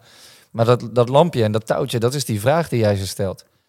Dus als we kijken naar de vragen stellen, welke, welke, welke vraag, en misschien is dat meteen waardevol, vind je dat iedereen zichzelf, en misschien ook de mensen die hebben geleid, zichzelf moet stellen? Ja, dat vind ik een mooi. Laatst eh, had ik een story geplaatst. Dat was een ingeving waarbij ik dacht, ja, dat is wel een hele belangrijke. Als je nu op een rotplek zit, wat heb jij nu nodig zelf, wat jij jezelf niet geeft? Wat heb jij nu? Er zijn er twee, maar wat heb jij nu niet nodig waar je te veel van krijgt? Dus om een voorbeeld eh, te geven ook, als je te veel verjaardagen hebt of je hebt te veel conflicten. Of je hebt een baan bijvoorbeeld, hè, daar hebben we het heel vaak over, die niet bij je past. Of je merkt ook dat je te veel Netflix kijkt. Of je merkt dat je te veel op je telefoon zit. Dus we kijken ook naar. Er zijn heel veel mensen die op dit moment niet of moeilijk rondkomen. Ik vind het heel belangrijk om elke podcast daar aandacht aan te besteden. Omdat dat makkelijk praten vanuit mijn positie of vanuit de gast wil ik, eh, ik wil niet dat het zo overkomt van het is makkelijk praten. Elke podcast vind ik het belangrijk dat mensen die echt op een hele donkere plek worden meegenomen, die op een donkere plek zitten, worden meegenomen. Of mensen die niet of nauwelijks kunnen rondkomen. Er is altijd iets wat je kunt doen. Je kan ja, bijvoorbeeld meer werken. Je kan ehm, ja, kijken of je bepaalde skills die je hebt, of je die kan inzetten om Ja. betaald te worden. En dat kan ook vanuit huis. Je kan, eh, weet je, er zijn heel veel callcentra die mensen zoeken. Maar het is, het is altijd makkelijk praten. Nogmaals ook, het is niet zo dat ik denk van nou, je moet gewoon dit doen. Ik zit niet op jouw positie. Mensen zitten niet op mijn positie. Of we kunnen nooit vanuit een andermans positie praten. Dus dat vind ik wel even heel belangrijk om te Zeker, benoemen. Zeker. Maar er is altijd iets wat je kan doen. Er is altijd iemand met wie je kan praten over jouw probleem. Er is altijd iemand die jou kan helpen. Ja, natuurlijk ook de hulpvraag stellen. hey, ik weet het af en toe gewoon even helemaal niet. Mijn gedachten hierover zijn kloten. Eh, nou, iemand is misschien dan nog niet, ik zeg al het woordje nog is heel belangrijk, in staat om zelf te erkennen en herkennen, ik heb beperkende overtuiging. Simpelweg, misschien weten ze niet eens wat ze zijn. Maar om dan die vraag te stellen gewoon van, hey, ik weet het even niet. Kan je Ja. mij helpen? En ik denk dat, eh, dat is direct ook de vraag aan jou. Hoeveel mensen komen er bij jou waarvan ze echt geen idee hebben waar ze eigenlijk op dit moment staan, maar eigenlijk ook helemaal niet weten waar ze naartoe willen? Eh, nou, ik denk dat de over... Ja, Met niet- zichzelf, hè? misschien niet eens. Ja. Ze hebben een business, nou Ja. prima. Heel veel mensen kennen hun business heel goed, maar kennen zichzelf minder goed. Ik denk dat iedereen, iedereen, maakt niet uit wie, welke gasten ik hier ook in de store heb gehad, ook als in, in de podcast, Ja. dat iedereen, eh, als die eerlijk zou zijn, weet dat er nog wat te verbeteren valt. Weet ook dat er bepaalde situaties zijn eh, waarbij je anders zou kunnen handelen. En ik denk ook wanneer je het gevoel hebt dat je niets meer te leren hebt of alles al goed doet, dat je niet helemaal eerlijk tegen jezelf bent. Maakt niet uit wie dat dan is. Maar als het gaat over de mensen die hier binnenkomen, is dat het van Ehm, ja, een beetje dat gevoel hebben, tot aan heel veel dat gevoel hebben van oké, wie ben ik, waar sta ik? Dat het bij de succesvolle ondernemers die de 50 gepasseerd zijn, die hebben in ieder geval op het gebied van hun business, hebben ze het redelijk voor elkaar. Hebben ze eh, hun sporen verdiend, maar dan zijn er toch weer dingen die dan naar voren komen in de trainingen. Van oké, eh, hetgene wat ik nu doe, ja, ben ik bereid om daar wat aan te doen? Want ze hebben altijd de leiding. Ja. Ze hebben altijd de touwtje in hand. En mensen houden van controle. Ja. Niemand houdt ervan om de controle uit handen te geven. Of in ieder geval niemand. Er zijn veel mensen die dat, die dat liever niet hebben. Maar goed, om op een gegeven moment ook... Soms moet je dus de controle loslaten om die weer terug te krijgen. Als je helemaal eerlijk naar jezelf bent en zegt ook van... Ja, ik, ik kan die controle niet loslaten. Ik heb daar zelf ook last van. En Met zo'n ijsbad bijvoorbeeld kan ik de controle niet loslaten. Ik kan er wel een minuut in zitten, maar daar stopt het voor mij. Omdat ik, ja, Ja. ik draai het een beetje om. Ik ga erin zitten en dan ga ik, ga ik doen alsof het me niks doet. Terwijl het beter werkt om gewoon het eerst is net Het is gewoon kloten en dit is wat het is. ja, ik beter eerst gewoon even flink, Ja. ja. ja, gewoon even die schrikreactie toelaten en dan Juist. die ontspanning toestaan. Maar dat, ja, dat zijn dingen waar ik aan moet werken. Mhm. Ik praat nooit vanuit de positie en ik hoop ook dat mensen dat eh, herkennen. ja. Vanuit de positie dat ik het allemaal weet of dat ik alles goed doe. Absoluut niet. Ik vind het juist mooi om te delen dat ik ook lang niet alles weet Nee, al zeker. en lang niet alles beheers. Maar dat is voor niemand weggelegd. Niemand beheerst alles. En dat maakt je ook mens, hè? Ja, en ik- dat, dat ja. is ook vaak het beeld, sorry dat ik je onderbreek, maar dat is ook ja. vaak het beeld wat we hebben bij... Jij bent coach, dus met jou gaat het altijd goed. Jij bent coach, dus jij bent altijd afgetraind. Jij bent altijd fit. Jij bent mentaal altijd helder. Jij eet altijd goed. Jij drinkt nooit, want je bent die coach. En dan denk ik, ja, maar dat is als je als je je identificeert met die rol, dan klopt dat. Ja. Je bent ook gewoon mens. En de mens neemt de coach mee de wereld in. Dat is maar een rol, een van de zoveel. Net als dat je partner bent, eh, bent of misschien zelfs straks eh, vader. Ja, maar welke rol is dat? En ja, de mens heeft iets nodig, eh, maar daar is vaak wel het stigma op van, ja maar op, jij mag het nooit koud hebben, want jij bent vaak bezig met ijsbaden. Jij ademt door je mond, dat mag niet, want je hebt gezegd neusademhaling. Nou ja, maar hallo, ik ben ook mens, jij bent ook mens. En dat, dat is misschien ook wel het mooie in de coaching die wij eh, allebei wat doen. Is dat die mensen ook vaak hard zijn naar zichzelf. En ik moet dit en ik moet dat. En de doelen die ze daarin hebben, vaak gerelateerd zijn aan de onderneming. Eh, en niet aan zichzelf. Waardoor ze eigenlijk ja, naar iets streven waarvan ze eigenlijk helemaal niet weten wat daar de bestemming van is. En, of laten we zeggen het doel van is. Waardoor ze continu bezig zijn met een bestemming in zichzelf. Waardoor ze eigenlijk stoppen met lopen. Want ik moet hier gaan zitten, want dit is mijn bestemming. Daar ben ik nu en daar blijf ik zitten. En ik kom eigenlijk niet meer in beweging, want dit is de comfortzone. En ik zeg al, de man die van wandelen houdt, komt nog eens ergens. En degene die eh, van de bestemming houdt, die, die blijft daar zitten. Hoe, hoe zie je dat zelf? Ja, ik vind het wel mooi wat je zegt. Ehm, kijk, het kritisch zijn naar jezelf is denk ik gewoon het allerbelangrijkste. Is dat je ook zegt van oké, ik begin op een gegeven moment ook met, met iets. Ik loop ergens tegenaan. Het, het, ja, het probleem aankaarten. Daar begint het allemaal. Kijk, iemand die zegt ook, ik heb nergens last van. Ik ben helemaal tevreden zoals dat ik nu op de aarde sta. Ja, daar, daar valt niks te halen. Dus op een gegeven moment loop je dan ergens tegenaan. En wat je zegt ook, ja, de mensen die hier binnenkomen, of de mensen die ik spreek. ehm, het is gewoon heel fijn om te erkennen is dat bepaalde dingen gewoon niet goed lopen. En dat het jou geen slecht mens maakt. Juist. En dat erkennen en dan voor jezelf gaan bepalen: oké, kan ik dit zelf? Kan ik de informatie die op inter- internet staat toepassen en uit deze situatie komen? Ik denk dat dat altijd sowieso goed is om te beginnen bij het begin. Erkennen dat er een probleem is. En dan kijk ook wat, wat brengt het mij en wat brengt het mij niet. Het brengt me problemen en het brengt mij niet verder. Juist. je erkent dat het probleem er is en je kijkt wat het voor je doet en wat het niet voor je doet. Ja. En vervolgens ga je kijken ook van oké, lukt het mijzelf? Wat is er voor nodig om dit aan te passen? Want de problemen die ik hierdoor ervaar, die, die irriteren mij. Die, die storen mij dat ik elke keer maar niet die broek dicht krijg. Die stoppen eigenlijk, die zorgen er eigenlijk voor dat je stopt met lopen, dat je gaat zitten. Op die plek belandt en dus niet doorwandelt, zeg maar. Ja, ja en, Ja. en weet je, je moet het heel ehm, stapsgewijs door gaan nemen. En vaak willen we ook gewoon probleem, boem, oplossen. Morgen, verlies vandaag. Quick fix. Quick Ja, fix, verdoven. inderdaad. Ja, mensen die zoeken naar een pilletje. Oké, hoe kan ik binnen één week 10 kilo afvallen? Ja, begin eens met de vraag: hoe, hoe, hoe lang heb, heb je ervoor gezorgd? eh, of hoe lang heeft het geduurd voordat je 10 kilo bent aangekomen? Of weet je wel, er zijn situaties die ontstaan in 10 jaar en dat wil je binnen een week oplossen. Dat staat niet in lijn met elkaar. Dat, Nee. is, dat staat niet in verhouding.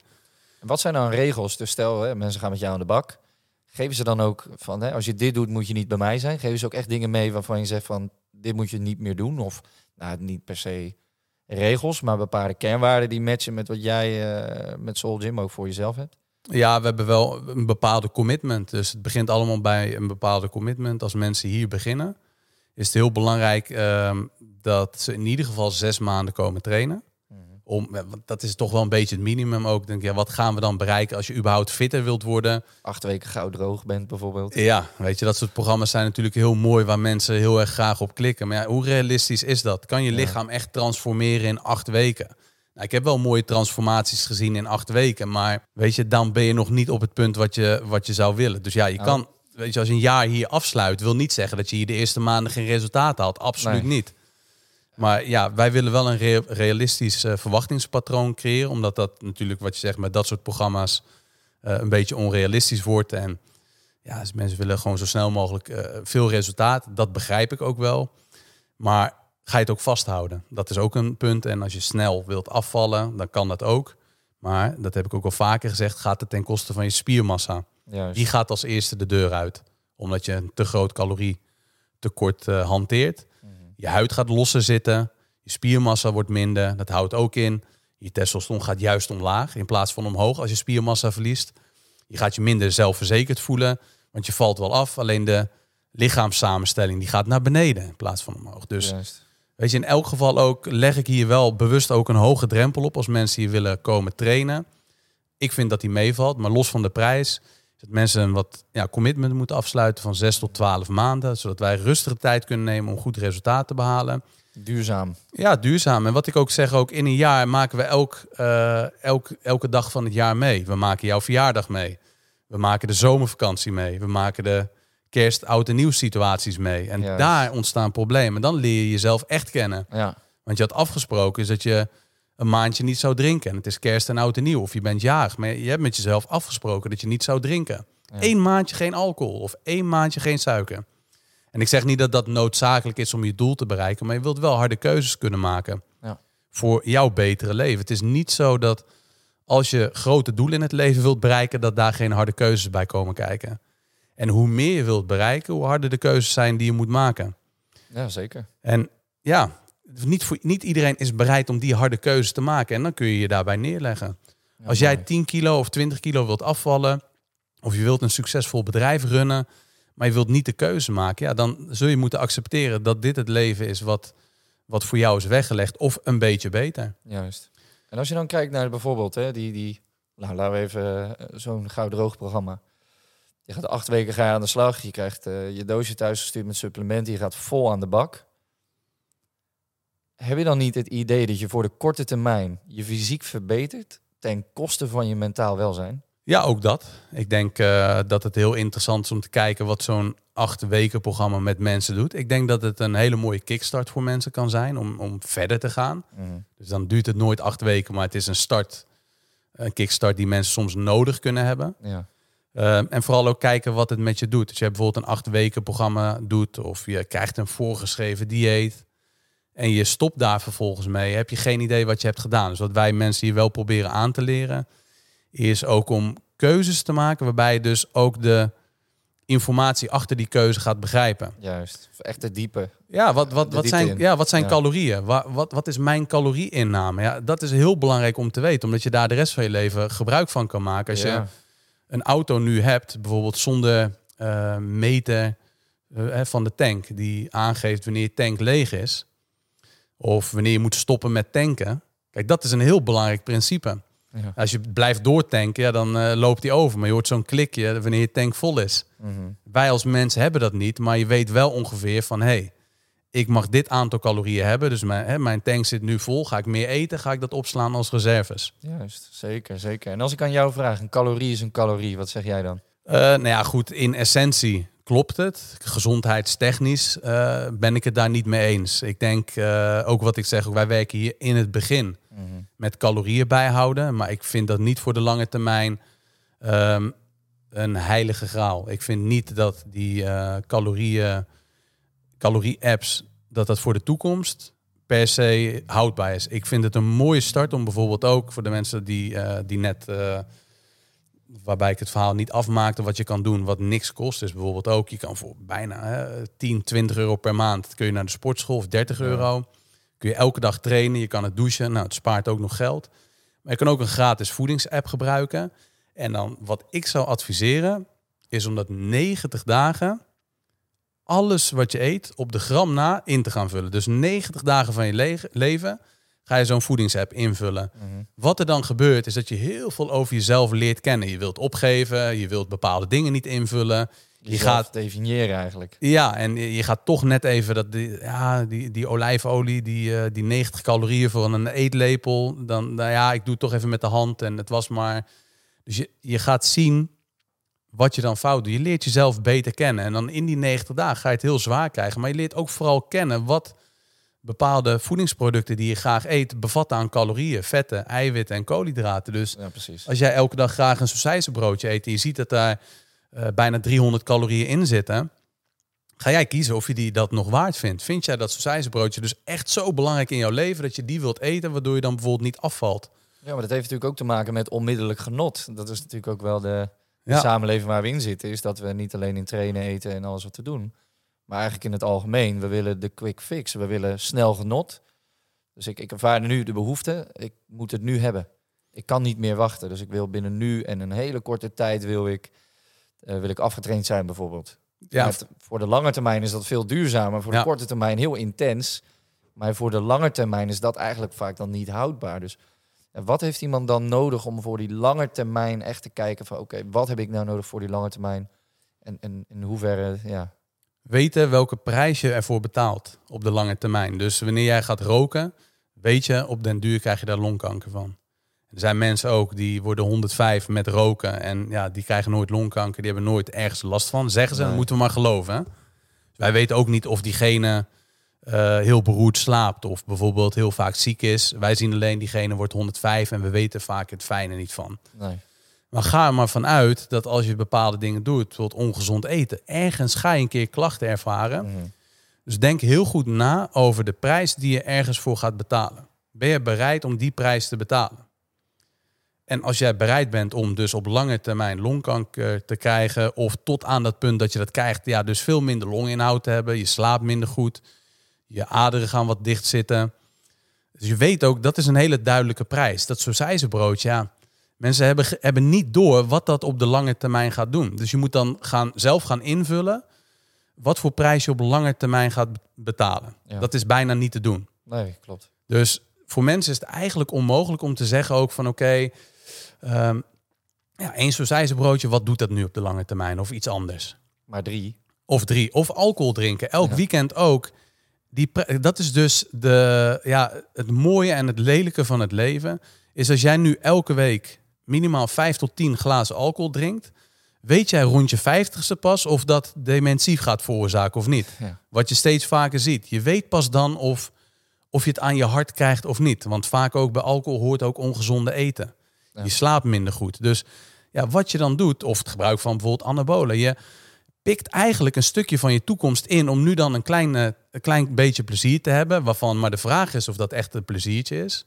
Ja, als je dus elk weekend alcohol nodig hebt om het naar je zin te hebben, is dat echt leuk? Of je hebt een broodje nodig om je gelukkig te voelen. Is dat, het, is dat dan nou echt het echte geluk? Maar als je 50 bent, weet jij of je het goed hebt gedaan. juist. Als wij op een gegeven moment overlijden, weten wij of er nog een leven is na de dood of niet. Dus je, ja, je moet nu gaan inschatten, Mhm. ik wil een goed mens zijn. Waarom? Omdat het nu goed voelt. Dat is de hele kunst. Juist. Dus je neemt nu dat broodje omdat je misschien wel iets wilt verdoven 100%. in je lichaam wat je voelt, wat je niet durft aan te kijken. Er is een tijd ook dat het slechter met mij ging. Keek ik veel meer Netflix. Ik dronk meer alcohol. Ik at meer chips en ongezonde dingen. Ik trainde veel minder. Dus het is vaak een gevolg van. Als jij niet met je poten van een sausijzenbroodje of van chips of snoep kan afblijven, dan is het heel interessant om eens na te gaan is waarom kan ik niet zonder? Wat probeer ik nu te verdoven in mijn lichaam, waardoor ik daar niet van af kan blijven? Als ik elk weekend alcohol nodig heb om het naar mijn zin te hebben, en ja, ook als je zegt dat je het niet nodig hebt en het wel, probeer het dan eens. Maar wat probeer je nu te verdoven waarin je niet, of waarbij je niet eerlijk bent tegen jezelf? Wees eens echt eerlijk tegen jezelf. En waar ben je nu bang voor om niet eerlijk tegen jezelf te zijn? Wat wil je nu verdoven? Wat probeer je jezelf nu wijs te maken? Dat Juist. je echt gelukkig bent? Dat dit echt het meest optimale leven is wat je kan leven. Dat je echt je volledige potentie benut. Jij kan echt niet meer dan dat je nu doet op je werk. Jij kan echt niet beter ehm, of meer uit je relatie halen dan dat, dat je nu doet. Of je laat je afzeiken door je partner elke dag en jij kan niet meer. Je bent echt gelukkig. Zeg je dat echt? Is dat echt wat jij jezelf wijs maakt? Of hou je nu jezelf en allemaal andere mensen voor de gek? Juist. En wanneer ga je nu eens eerlijk zijn en weet je ook dat je later die prijzen hoe dan ook gaat betalen? Als ik nu elke dag een klojo ben tegen mensen, ergens ga ik een keer die prijs betalen. Hoe? Vul het maar voor jezelf in. Of je gelooft in God. Of je spiritueel aangelegd bent. Of dat je gelooft in karma. Ergens ga jij een keer de prijs betalen voor dingen die je niet moet doen. Zeker. En als je dat niet wilt inzien op dit moment, doe je ding. Ik vind het zonde. Want iedereen kan op dit moment beter dan dat hij of zij doet. Voor iedereen is er meer mogelijk dan dat jij jezelf wijs maakt. Maakt niet uit op welke plek je op dit moment staat. Je kan beter. Je kan meer. Je kan minder excuses hebben. Je kan beter voor jezelf zorgen. Je kan meer naar jezelf luisteren. Je kan echt wel nee zeggen tegen anderen. En als het echte vrienden zijn en het zijn echte mensen die het beste met jou voor hebben, dan accepteren ze die nee met alle liefde. En als ze dat niet kunnen, ja, dan weet je ook met wie je te maken hebt. Als jij zegt ook, het gaat niet goed met me, ik heb meer tijd voor mezelf nodig en mensen vinden daar wat van, ja, zijn dat dan de mensen met wie jij om wilt gaan? Als jij niet 100% jezelf kan zijn, zit je dan op de juiste plek? Is dit dan het leven wat je wil leiden? Neem je daar genoegen mee? En dat is heel, heel erg zonde als hè, je vraag begon ook van oké, ja, wat, ehm, wat voor prijs mensen dan, of tenminste dat was uh, mijn uh, antwoord op je vraag, de prijs betalen. Niemand weet welke prijs je betaalt voor niet jouw best mogelijke leven leven. Helaas krijg je die prijs vaak uitbetaald wanneer het te laat is. Als je 60 bent, heeft het geen zin meer om een andere baan te gaan zoeken. Nou, misschien nog wel. Ik denk dat het nooit te laat is, maar hoe zonde zou dat zijn als je daar pas op je 60ste achterkomt? Laten we het zo zeggen. Hoe zonde zou het zijn als je 60 bent, je lichaam is helemaal op en je moet vanaf 60 jaar of 50 jaar in één keer nog allerlei dingen gaan uithalen om veel fitter te worden. Hoe ouder je wordt, hoe moeilijker het wordt om, om echt nog het maximale uit je leven. Het is niet onmogelijk, maar het wordt wel steeds moeilijker. Dus hoe eerder je beseft dat je meer kan, dat je meer zou moeten doen, hoe beter het is. Hoe, uh, ja. En ook hoe meer tijd je hebt om echt te doen waar je hiervoor bent. En, Zeker. En niet je tijd te laten verstrijken aan, aan de bullshit. En, en ook als je kijkt naar, we zijn zo extern gedreven. Maar ja, je, je ervaart het zelf, ik ervaar het ook zelf. Hoe krachtig het is om intern aangedreven, intrinsiek gemotiveerd te zijn en dan echt te gaan doen waar je, waar je hiervoor bent. En iedereen heeft iets waar we hiervoor zijn. Alleen nogmaals, dat hebben we al besproken wel, maar het is zo zonde als je dat niet zou doen, joh. Zeker. Dus waarom zou, waarom zou je het niet doen? Wat houd je dan tegen? Supergoeie vraag. Jij vraagt natuurlijk, stel, jij stelt de vragen normaal aan, uh, aan de gasten. ja. Maar wat zou jij willen dat de mensen weten over jou, wat ze nu nog niet weten van jou? Ja, wat ik net al aangaf, ja, wat ze niet weten. Kijk, ik denk ja, of dat echt dingen zijn. Uh, ik, ik probeer zo oprecht mogelijk over te komen. Dat, dat is eigenlijk voor mij heel belangrijk. Dat, uh, dat ik uitdraag en uitstraal. is dat ik het zelf niet allemaal weet. Dat ik zelf uh, ook lang niet alle dingen goed doe. Uh, mensen die shit hebben meegemaakt. Kijk, ik kan nooit ervaren wat iemand anders ervaart. Maar het gaat erom is dat we op individueel niveau allemaal shit hebben meegemaakt. En ik, ik benoem dat soort dingen alleen maar om aan te geven is dat, dat ik mee kan voelen. Dat ik voel mee met mensen die, die shit hebben meegemaakt. Um, ik probeer benaderbaar te zijn voor berichten die ik krijg voor mensen. Ik kreeg gisteren toevallig nog een bericht iemand die echt overweegt een einde aan haar leven te maken. Dat is, ja, dat is best wel heftig. En ik vind het heel belangrijk om het te zijn voor mensen ook die niet alleen maar de hoofdprijs kunnen betalen. Dus wat ik heel belangrijk vind is dat ik oprecht overkom. Dat ik het allemaal niet weet. En dat ik ook benaderbaar blijf. Maakt niet uit uh, hoeveel berichten ik krijg. Als ik dit soort berichten krijg, neem ik echt wel even de tijd om daarop te reageren. Het wil niet zeggen dat ik de professional ben die mensen in die situatie kan helpen. Uh, maar het gaat, daar gaat het ook niet om. Het gaat erom is dat er iemand is die naar je luistert. Het gaat erom dat er iemand is die je hoort. En iemand die je misschien net even een paar tips geeft om die dag net wat beter te maken. Dus wat mijn ja, antwoord op jouw vraag is. is toch ook wel dat ik zo oprecht mogelijk wil overkomen. Dat ik lang niet alles laat zien. Weet je wel? Dat ik lang niet uh, mezelf zo kwetsbaar opstel, maar dat ik wel oprecht wil overkomen. En ik denk dat dat het allerbelangrijkste is, dat ik echt oprecht mensen wil helpen. Dat hier in de gym, ja, hangt een stevig prijskaartje aan. En voor alle mensen die mij niet kunnen betalen of personal training kunnen betalen, hoop ik gewoon hele waardevolle content te leveren, tips te geven die je dus gewoon gratis kan toepassen. Juist. Ik heb niet iedere, iedere luisteraar of volger nodig als klant. Absoluut niet. Ik vind het heel fijn om gewoon een volle gym te hebben. Voor de mensen die het kunnen en willen betalen. En dat er voor een andere doelgroep gewoon heel veel andere hulpmiddelen zijn. Die kunnen eventueel naar de events komen die wij organiseren. Die dan wat een lagere instap hebben. Dat je gewoon eenmalig een bedrag betaalt om heel veel waardevolle informatie te krijgen. Of dat je mijn social media kan volgen of naar de gasten kan luisteren die ik uitnodig. Ehm, dus ja, ik weet niet of er echt dingen zijn die ehm, ja, mijn luisteraars of volgers niet van mij weten. Ehm, die ze wel, ja, die dan nog graag met ze zou willen delen of zo. Ik denk niet dat er iets is wat nu in me opkomt. Misschien vergeet ik het of kom ik er nu niet op. Of... Nou, ik denk ook niet dat je nu zeg maar zo één ding benoemt, maar dat je eigenlijk heel mooi beschrijft ja. wat jou drijft als mens. En dat, dat jij uh, door authentiek te zijn, ja. dat je iemand anders de kans geeft om, om zich met jou te identificeren. Ja, hey, dit heb ik ook ervaren, daarom moet ik bij hem zijn. Nou, dat is misschien nog een goede. Kijk, wat, wat wel uh, belangrijk is om te benoemen, wat misschien dan wel iets is wat misschien niet iedereen weet. Ik heb ook op hele donkere plaatsen gezeten. Uh, niet voor niks eerst een hele andere kant opgedwaald geweest, richting het verkeerde pad, totdat ik uiteindelijk op het goede pad kwam. Hele donkere dagen ken dat ik echt zo, me zo depressief heb gevoeld. Uh, en dat ik gelukkig de sportschool had. Dat is zo belangrijk geweest voor mij. Is dat ik ook heb leren koken op jonge leeftijd. Omdat ik het belangrijk vond om. Ik ging snel uit huis. Uh, op mijn achttiende volgens mij al. Dus ik, ik vond het heel belangrijk om, om in ieder geval sport te hebben. Sport is voor mij echt een redding geweest. En ik denk dat mensen die nu op een donkere plek zitten niet van sport houden. Desnoods ga je wandelen. Desnoods de buitenlucht, weet je, gewoon naar buiten gaan, in beweging komen is, is zo belangrijk. Ik, uh, werd toen op een gegeven moment ontslagen bij Nieuwstijl. Omdat ik niet echt inzetbaar was. Uh, omdat ik meer mijn eigen gym of mijn eigen personal training business wilde runnen. En eigenlijk voor dat moment ging, dat was ja, weet je, ging alles voor de wind. Ik had uh, eh, 40 uur gewoon werk. Ik had uh, 10 uurtjes PT, dus ik werkte 50 uur per week. Het ging allemaal goed. Ik voetbalde. Ik had een motor. Ik had mijn motorrijbewijs net gehaald.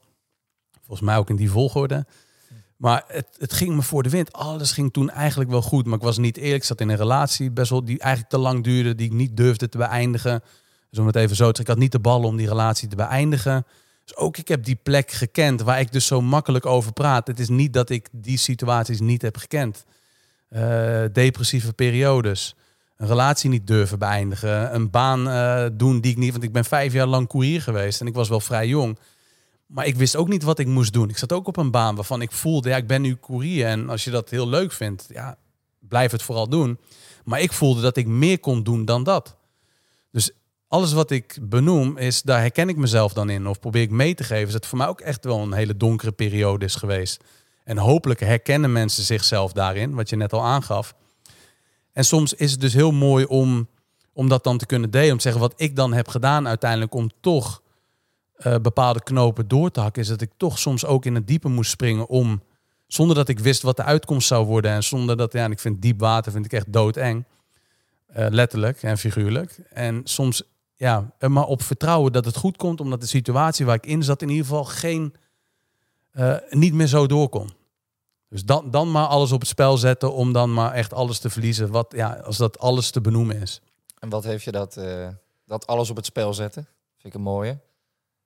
Soms moet je iets doen en soms voel je angst en dan doe je het toch. Heel vaak laten we ons daardoor tegenhouden. Maar wat heeft het je uiteindelijk opgeleverd? Ja, letterlijk alles. Dus uh, dat, dat is niet gelijk zichtbaar. Dus ja, kijk, wanneer je dus een, uh, een soort natuurramp uh, veroorzaakt door hele heftige keuzes te veroorzaken, ja, dan gooi je niet één leven, maar soms meerdere levens overhoop. En dat houdt in is dat dat echt niet in één keer alleen maar regenboog en een soort uh, avatar-achtige omgeving wordt waarbij uh, het prachtig is.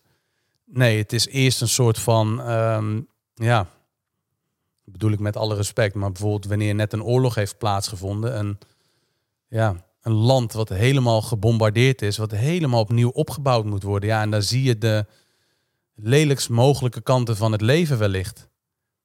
Om vervolgens alles weer opnieuw te kunnen opbouwen, maar dan wel te, het leven te laten voldoen aan jouw voorwaarden, in hoeverre dat mogelijk is. Dan kun je zeggen ook, ik ga nieuwe relaties aan, maar die hebben deze voorwaarden. Ik zet mezelf op de eerste plek, zonder dat dat egoïstisch is. Ja. En ja, soms is dat maar een beetje egoïstisch. Denk je dat je, als je terugkijkt, hè, we hebben beide hebben onze verhalen met elkaar gedeeld. We hebben veel tegenslag gekend. Soms nog. Mhm. We, we herkennen het en daardoor kunnen we het ook beter reguleren nu voor onszelf. Waar denk je dat je gestaan had? En dat is misschien een hele brede vraag. Als je het niet had meegemaakt. Had je leven er dan net zo uitgezien als nu? Nee, absoluut niet. Ik denk dat het toen, eh, kijk, als je bijvoorbeeld tien jaar terug gaat, en, eh, of misschien wel vijf, zes jaar terug, is dat je standaard gaat veranderen. Dus op een gegeven moment ga je jezelf wijsmaken dat, dat je wel gelukkig bent, dat dit dan oké is allemaal. Terwijl als je dit aan andere mensen zou uitleggen, waar de, het stukje waar je dan eigenlijk niet in wil zitten, zijn er echt wel mensen, er zijn, niet iedereen is eerlijk. Iedereen zegt ook, ja, als jij gelukkig bent, prima. Als jij jezelf dat wijsmaakt. Maar als je dat niet bent, je gaat wel je standaard omlaag brengen. Dus in plaats van dat het erger wordt, is dat je je gaat neerleggen, is dat je baan dus, ja, dit is gewoon mijn baan. Dus ik, ik, ik vind het normaal dat ik op maandag helemaal met een rot humeur naar werk ga. En dat ik op vrijdag de vlag uitgaat, fles champagne opentrek of een fles wijn, omdat het weer weekend is. Dat ik ga vieren dat de week voorbij is. Ik heb dat zeggen sommige mensen ook wel eens. Hè? Ik heb twee keer zes maanden vakanties nodig van werk. Oftewel, hè, een continu vakantie. We lachen erom, maar eigenlijk Ja. is het heel treurig. Ja. Is, je hoort niet meer wat je zelf zegt. Je ziet niet meer wat je zelf doet. Je hebt niet meer door wat voor ongezond gedrag je vertoont en in wat voor ongezond leven je zit.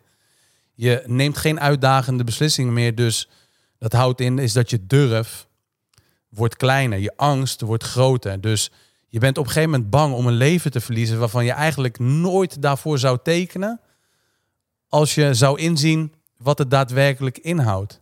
En dat is heel treurig, maar op een gegeven moment ook, je gaat dus wennen aan die negatieve situatie.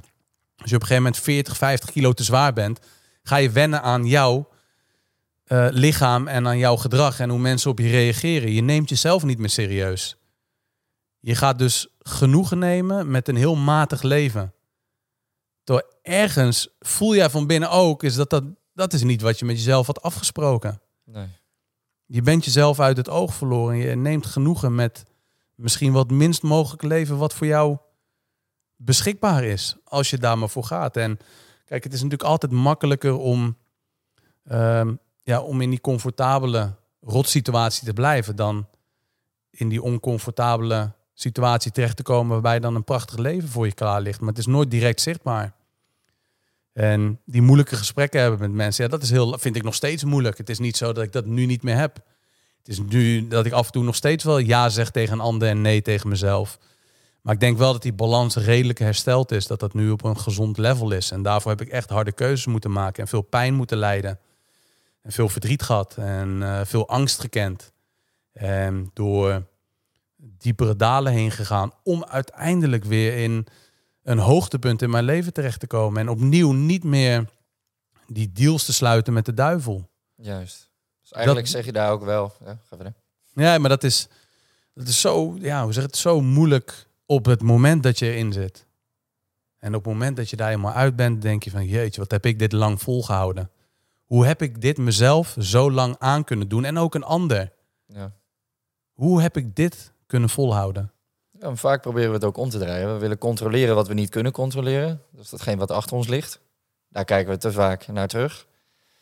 En datgene wat voor ons ligt, wat nog enigszins controleerbaar is, en niet alles, maar hoe beter we onszelf kennen, hoe beter we dat kunnen managen, daar zijn we dan eigenlijk te weinig mee bezig. Terwijl we willen heel veel voor de, voor de lange termijn, maar op de korte termijn doen we daarin dan zo weinig. Dus eigenlijk moeten we het omdraaien. Als we voor de lange termijn nou weten, als ik deze zak chips in mijn lijf in, Ja. eh, ingooi, eh, en, en gezondheid start letterlijk in de mond. Dus dit is het startpunt. Dus dit is waar ik de troep mijn lijf in laat komen.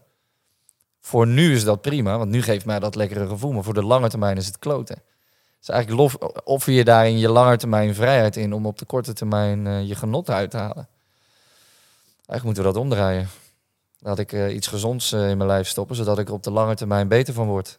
Laat ik eens naar mezelf kijken, zodat ik weet van, hè, laat ik mezelf de goede vragen stellen. Ja, dat maakt soms wel eens eh, uitdagend natuurlijk. Maar eigenlijk zeg jij daar ook in, en dat vind ik mooi om, eh, om, om, om te bevestigen ook wel. Is er eigenlijk tegenslag moet er zijn en is noodzakelijk. En moet dus noodzaak zijn om te komen tot dat ene kantoppunt of dat ene inzicht om te bedenken op deze plek wil ik niet langer zijn. Maar moet daar dan altijd tegenslag echt zijn om dat te ervaren? Om te denken, nu is er noodzaak, nu moet ik veranderen, want er is geen weg meer terug.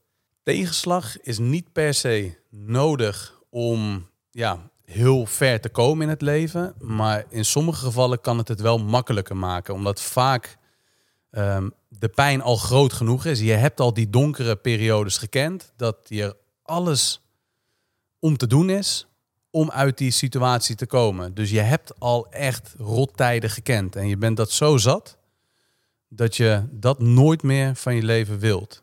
Dus het is niet altijd nodig om heel ver te komen in het leven, om, of om doelen te halen. Er zijn ook, heel veel mensen die hebben gewoon, eh, in hoeverre ze dat zich kunnen herinneren, gewoon ja, minder shit meegemaakt. Of tegenslagen gekend. En die kunnen ook heel ver komen. Die zijn gewoon van nature wat makkelijker om zichzelf in beweging te krijgen. Maar ik denk wel dat het juist heel mooi is dat twee personen, dat gaf je ook al aan, is dat er twee personen hebben wat meegemaakt. En de een, ja, die maakt het best mogelijke leven, of creëert het best mogelijke leven voor zichzelf, en de ander niet. Ik ben wel van mening ook dat tegenslag geen garantie is voor een succesvolle toekomst. Terwijl dat wel zo zou moeten zijn. Dus het is extreem belangrijk dat wanneer je een trauma ervaart of dat je tegenslagen kent, is dat het een enorme motivatie kan zijn om heel veel uit het leven te gaan halen. In ieder geval voor mij heeft dat, heeft dat beide kanten gehad. Ik heb een hele tijd heb ik het, het leven heel oneerlijk gevonden. Mijn broer kreeg een klap van de jongen en ja, hij liep nog vrij rond. Of zat een jaartje vast en mijn broer was dood. Of ik was niet heel succesvol op school. Ik werd niet die profvoetballer. Ik maakte niet die goal. Of ik kreeg niet die baan toegewezen. Of ik was niet heel rijk opgegroeid in, in een zekere zin. Zeker niet. Wij komen uit een uh, zeker middenstandster in mijn vader twee banen altijd. Maar zij doen dit, zij doen dat. Dus een beetje vanuit die slachtofferrol, wat heel hard is, hè, om dat zo te zeggen. Dus ik zeg dat ook uh, in alle voorzichtigheid. Maar het is nou eenmaal zo, je kan altijd kiezen voor twee kanten. En het is denk ik heel goed om, nadat je een tegenslag hebt ervaren, om echt even goed daar ziek van te zijn. Om daar echt even goed de tijd voor te nemen om dat stukje te verwerken, wat ik zeker niet altijd heb gedaan. Maar om na dat stukje van rouw of verwerking van die tegenslag, alles aan te doen om in ieder geval die situatie die je hebt meegemaakt te laten leiden tot een mooie situatie. Dan is de slechtst mogelijke situatie wordt dan uiteindelijk de mooiste mogelijke situatie. Dan gebruik je dat als brandstof voor een beter leven. Ik denk ja, dat jij dat denk ook heel mooi hebt gedaan. En dat is de enige manier. De enige manier om met tegenslag om te gaan is om er het beste van te maken. Hoe moeilijk dat op dat moment dat je, dat je daar waar je nu zit, als je nu op dit moment tegenslag kent of je zit op een hele donkere plek, is het allermoeilijkste wat je kan doen, is om er nu het beste van te maken. Het allermakkelijkste wat je kunt doen, is om je erbij neer te leggen en te zeggen ook, ja, dit overkomt mij en ik kan hier nu niks aan doen. Ik heb niet de kracht zelf om hier nu uit te komen. Omdat dat de waarheid gaat worden die je gelooft. Terwijl als je nu tegen jezelf zegt ook, ik zit in zo'n klote situatie. Ik heb het zo lastig. Ik zie het gewoon even niet meer zitten. Besef dan ook goed dat God of waar je ook in gelooft, jou alleen een strijd geeft die jij aan kan. En als je dat gaat beseffen, daarin gaat geloven en je beseft ook van oké, maar dit wat nu op mijn pad komt, wat nu op mijn bord ligt, kan ik handelen. Alleen ik zie het nog niet, ik voel het nog niet. Hoe kan ik dat dan gaan voelen?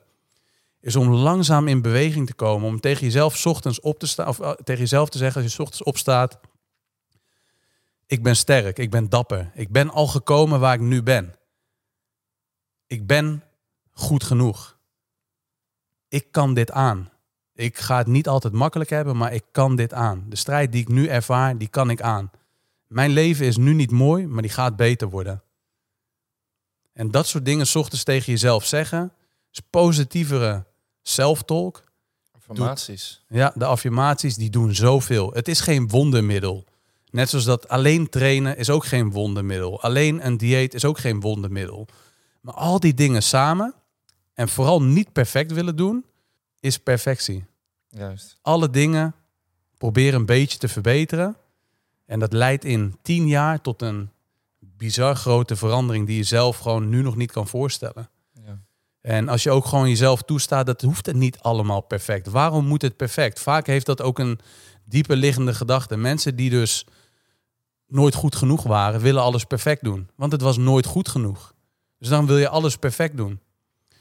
Dus besef ook dat je al perfect bent, hoe je nu bent, hoe je nu deze podcast luistert of kijkt. Je bent al perfect, je bent al goed genoeg. Je hoeft niks te veranderen om goed genoeg te zijn. Alleen, je hebt bepaalde problemen in je leven. Je ervaart nu bepaalde problemen. Ga daar wat aan doen. Zet niet gelijk hoog in. Probeer niet gelijk op eh, jouw level 1 te vergelijken met iemand anders level 10. Iemand is er al langer mee bezig. Vergelijk je niet met mij. Vergelijk je niet met jou. Vergelijk je niet met een ander. Als je nu gaat beginnen, vergelijk gewoon met jouw eigen gisteren. Dat is het enige wat belangrijk is om mee te vergelijken. En als je je dan toch met een ander gaat vergelijken, is er één reden waarbij dit is toegestaan in mijn optiek. Is als het je motiveert. Als ik iemand anders zie die betere, eh, een betere situatie voor zichzelf heeft gecreëerd. En ik ga vergelijken, moet het mij alleen maar motiveren. Dan moet ik zeggen ook, ik ga me hier aan optrekken. Zo, die is fair. Ik vergelijk me daarmee omdat het mij motiveert.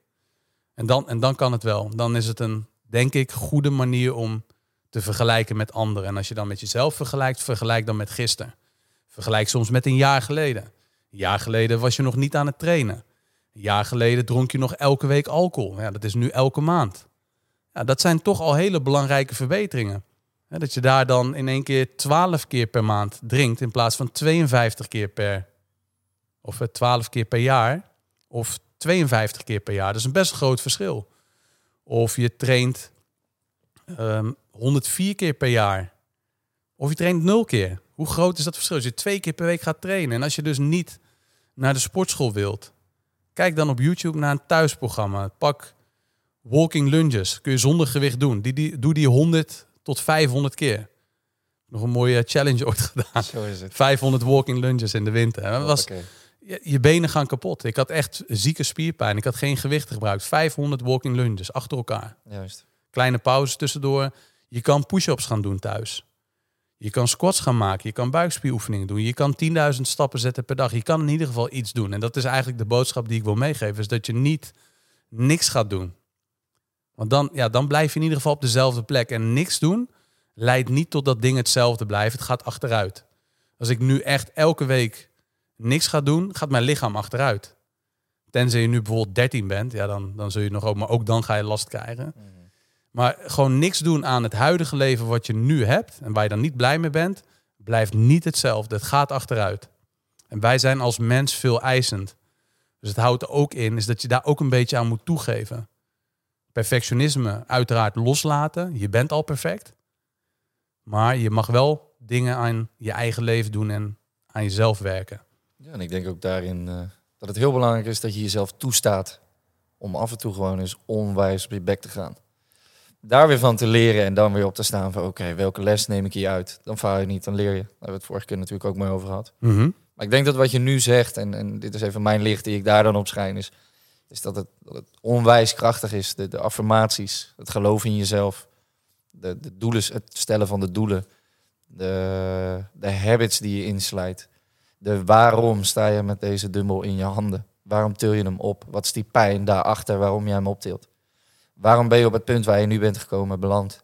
Dat je veel meer bent dan alleen maar een personal trainer. Je bent een, een mens die de personal trainer meeneemt naar deze gym. En je bent ook de mens, en in dat optiek dan de coach, die de ondernemer naar het mens zijn brengt. En vanuit daar een betere ondernemer maakt, omdat hij een beter mens is geworden. Dus ik denk ook, en daarom hebben wij ook een goede klik met elkaar en, stel ik dit ook voor. Dit wist niet iedereen van jou. En zo mooi om wel te belichten dat ze dit nu wel van je weten. Dat, dat ze dat ze voelen, niet eens horen, maar nu ook kunnen voelen, want ik voel dat wel. Dat je een mooie visie hebt voor datgene wat je, waar je voor streeft. Dat dat veel groter is dan jij. Wat je doet.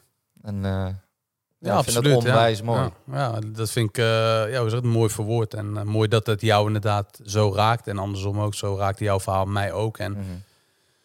ja, toch die verbinding wat ja, veel naar voren komt. Sommige mensen die worden er misschien een beetje moe van. Maar ja, het is wel wat terug blijft komen. Is wat, wat, ja, wat drijft mij? Wat zorgt ervoor dat ik met ma of op maandag met best wel wat plezier uh, de dag begin, de week begin.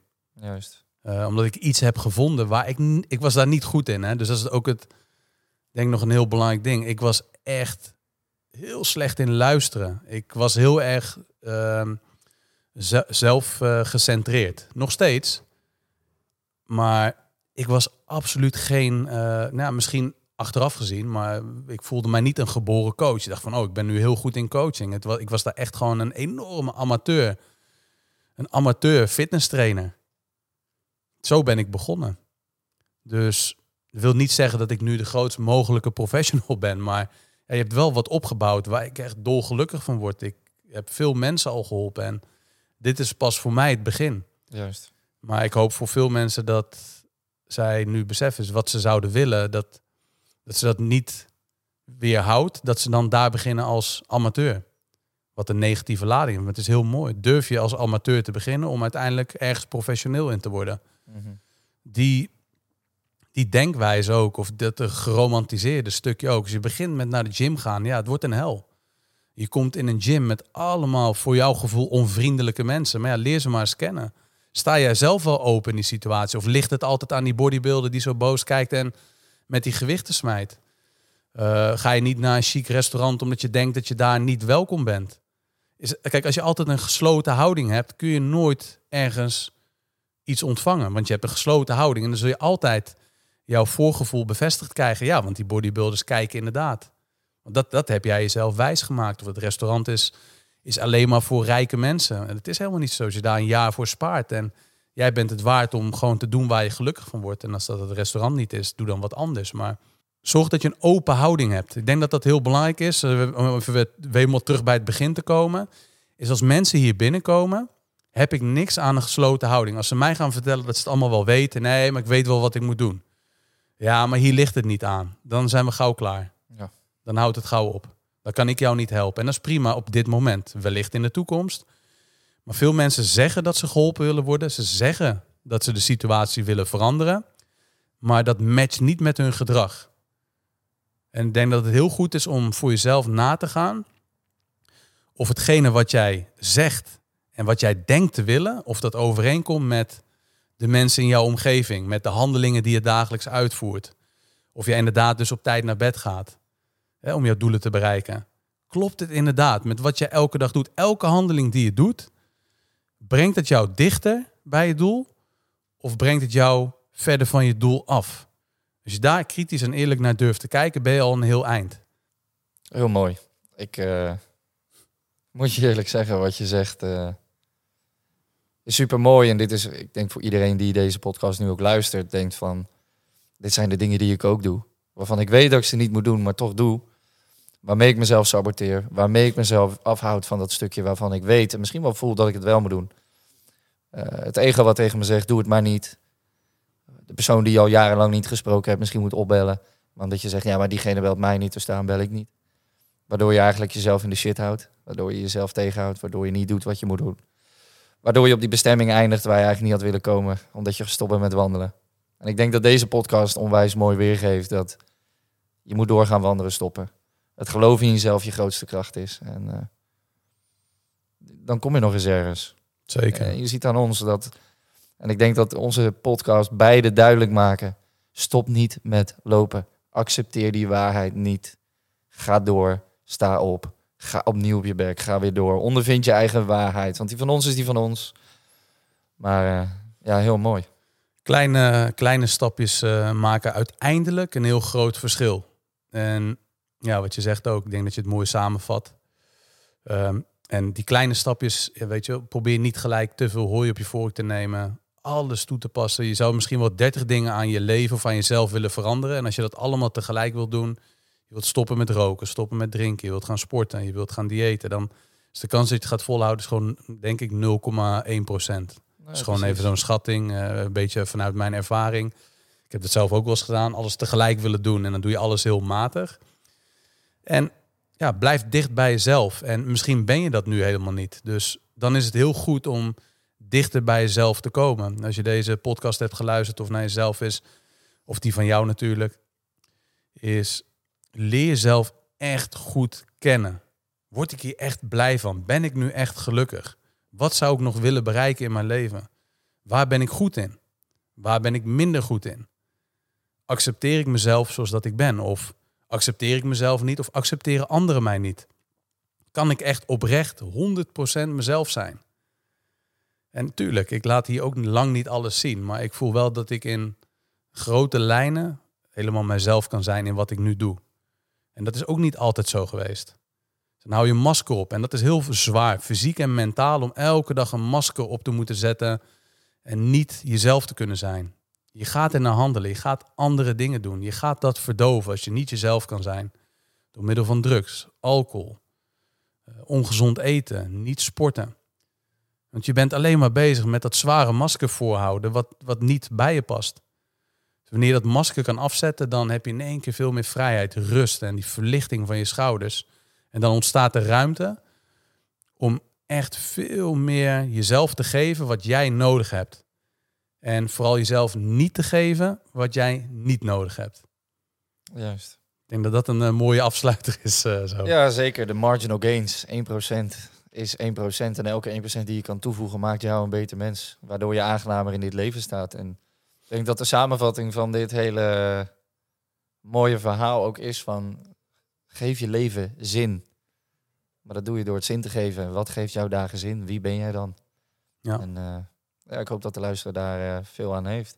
Ik stel voor dat je hem... eh, je hebt hem zelf Wil, geopend. ja, wil je hem niet afsluiten? Nou, ik, eh, ik zou hem wel mag, willen afsluiten. Maar- mag naar de, dit is misschien een keer voor de verandering, dat je die kamer even pakt om de luisteraar en kijkers te bedanken. Juist, nou bij deze. Ik wil de luisteraars onwijs bedanken voor het luisteren naar deze podcast. Ehm, ja, Tony, jij onwijs bedankt voor je, voor je openheid. En Ja. Jij ook bedankt voor, eh, voor het aanbod en het eh, ja, kundige interview. Ik moet zeggen, petje af voor, eh, ik weet niet of het eerste is, maar oh, dit, dit was mijn eerste podcast ook. Om, ik denk dat je een talent hebt ontdekt, misschien wel bij jezelf. ja, ik weet het niet. Maar ja, vragen stellen is ook natuurlijk wel onderdeel van de job die ik zelf heb. Maar Ja. ja, ik wilde bedankt voor het luisteren. En blijf vooral luisteren naar deze onwijs waardevolle podcast. En tot de volgende zondag.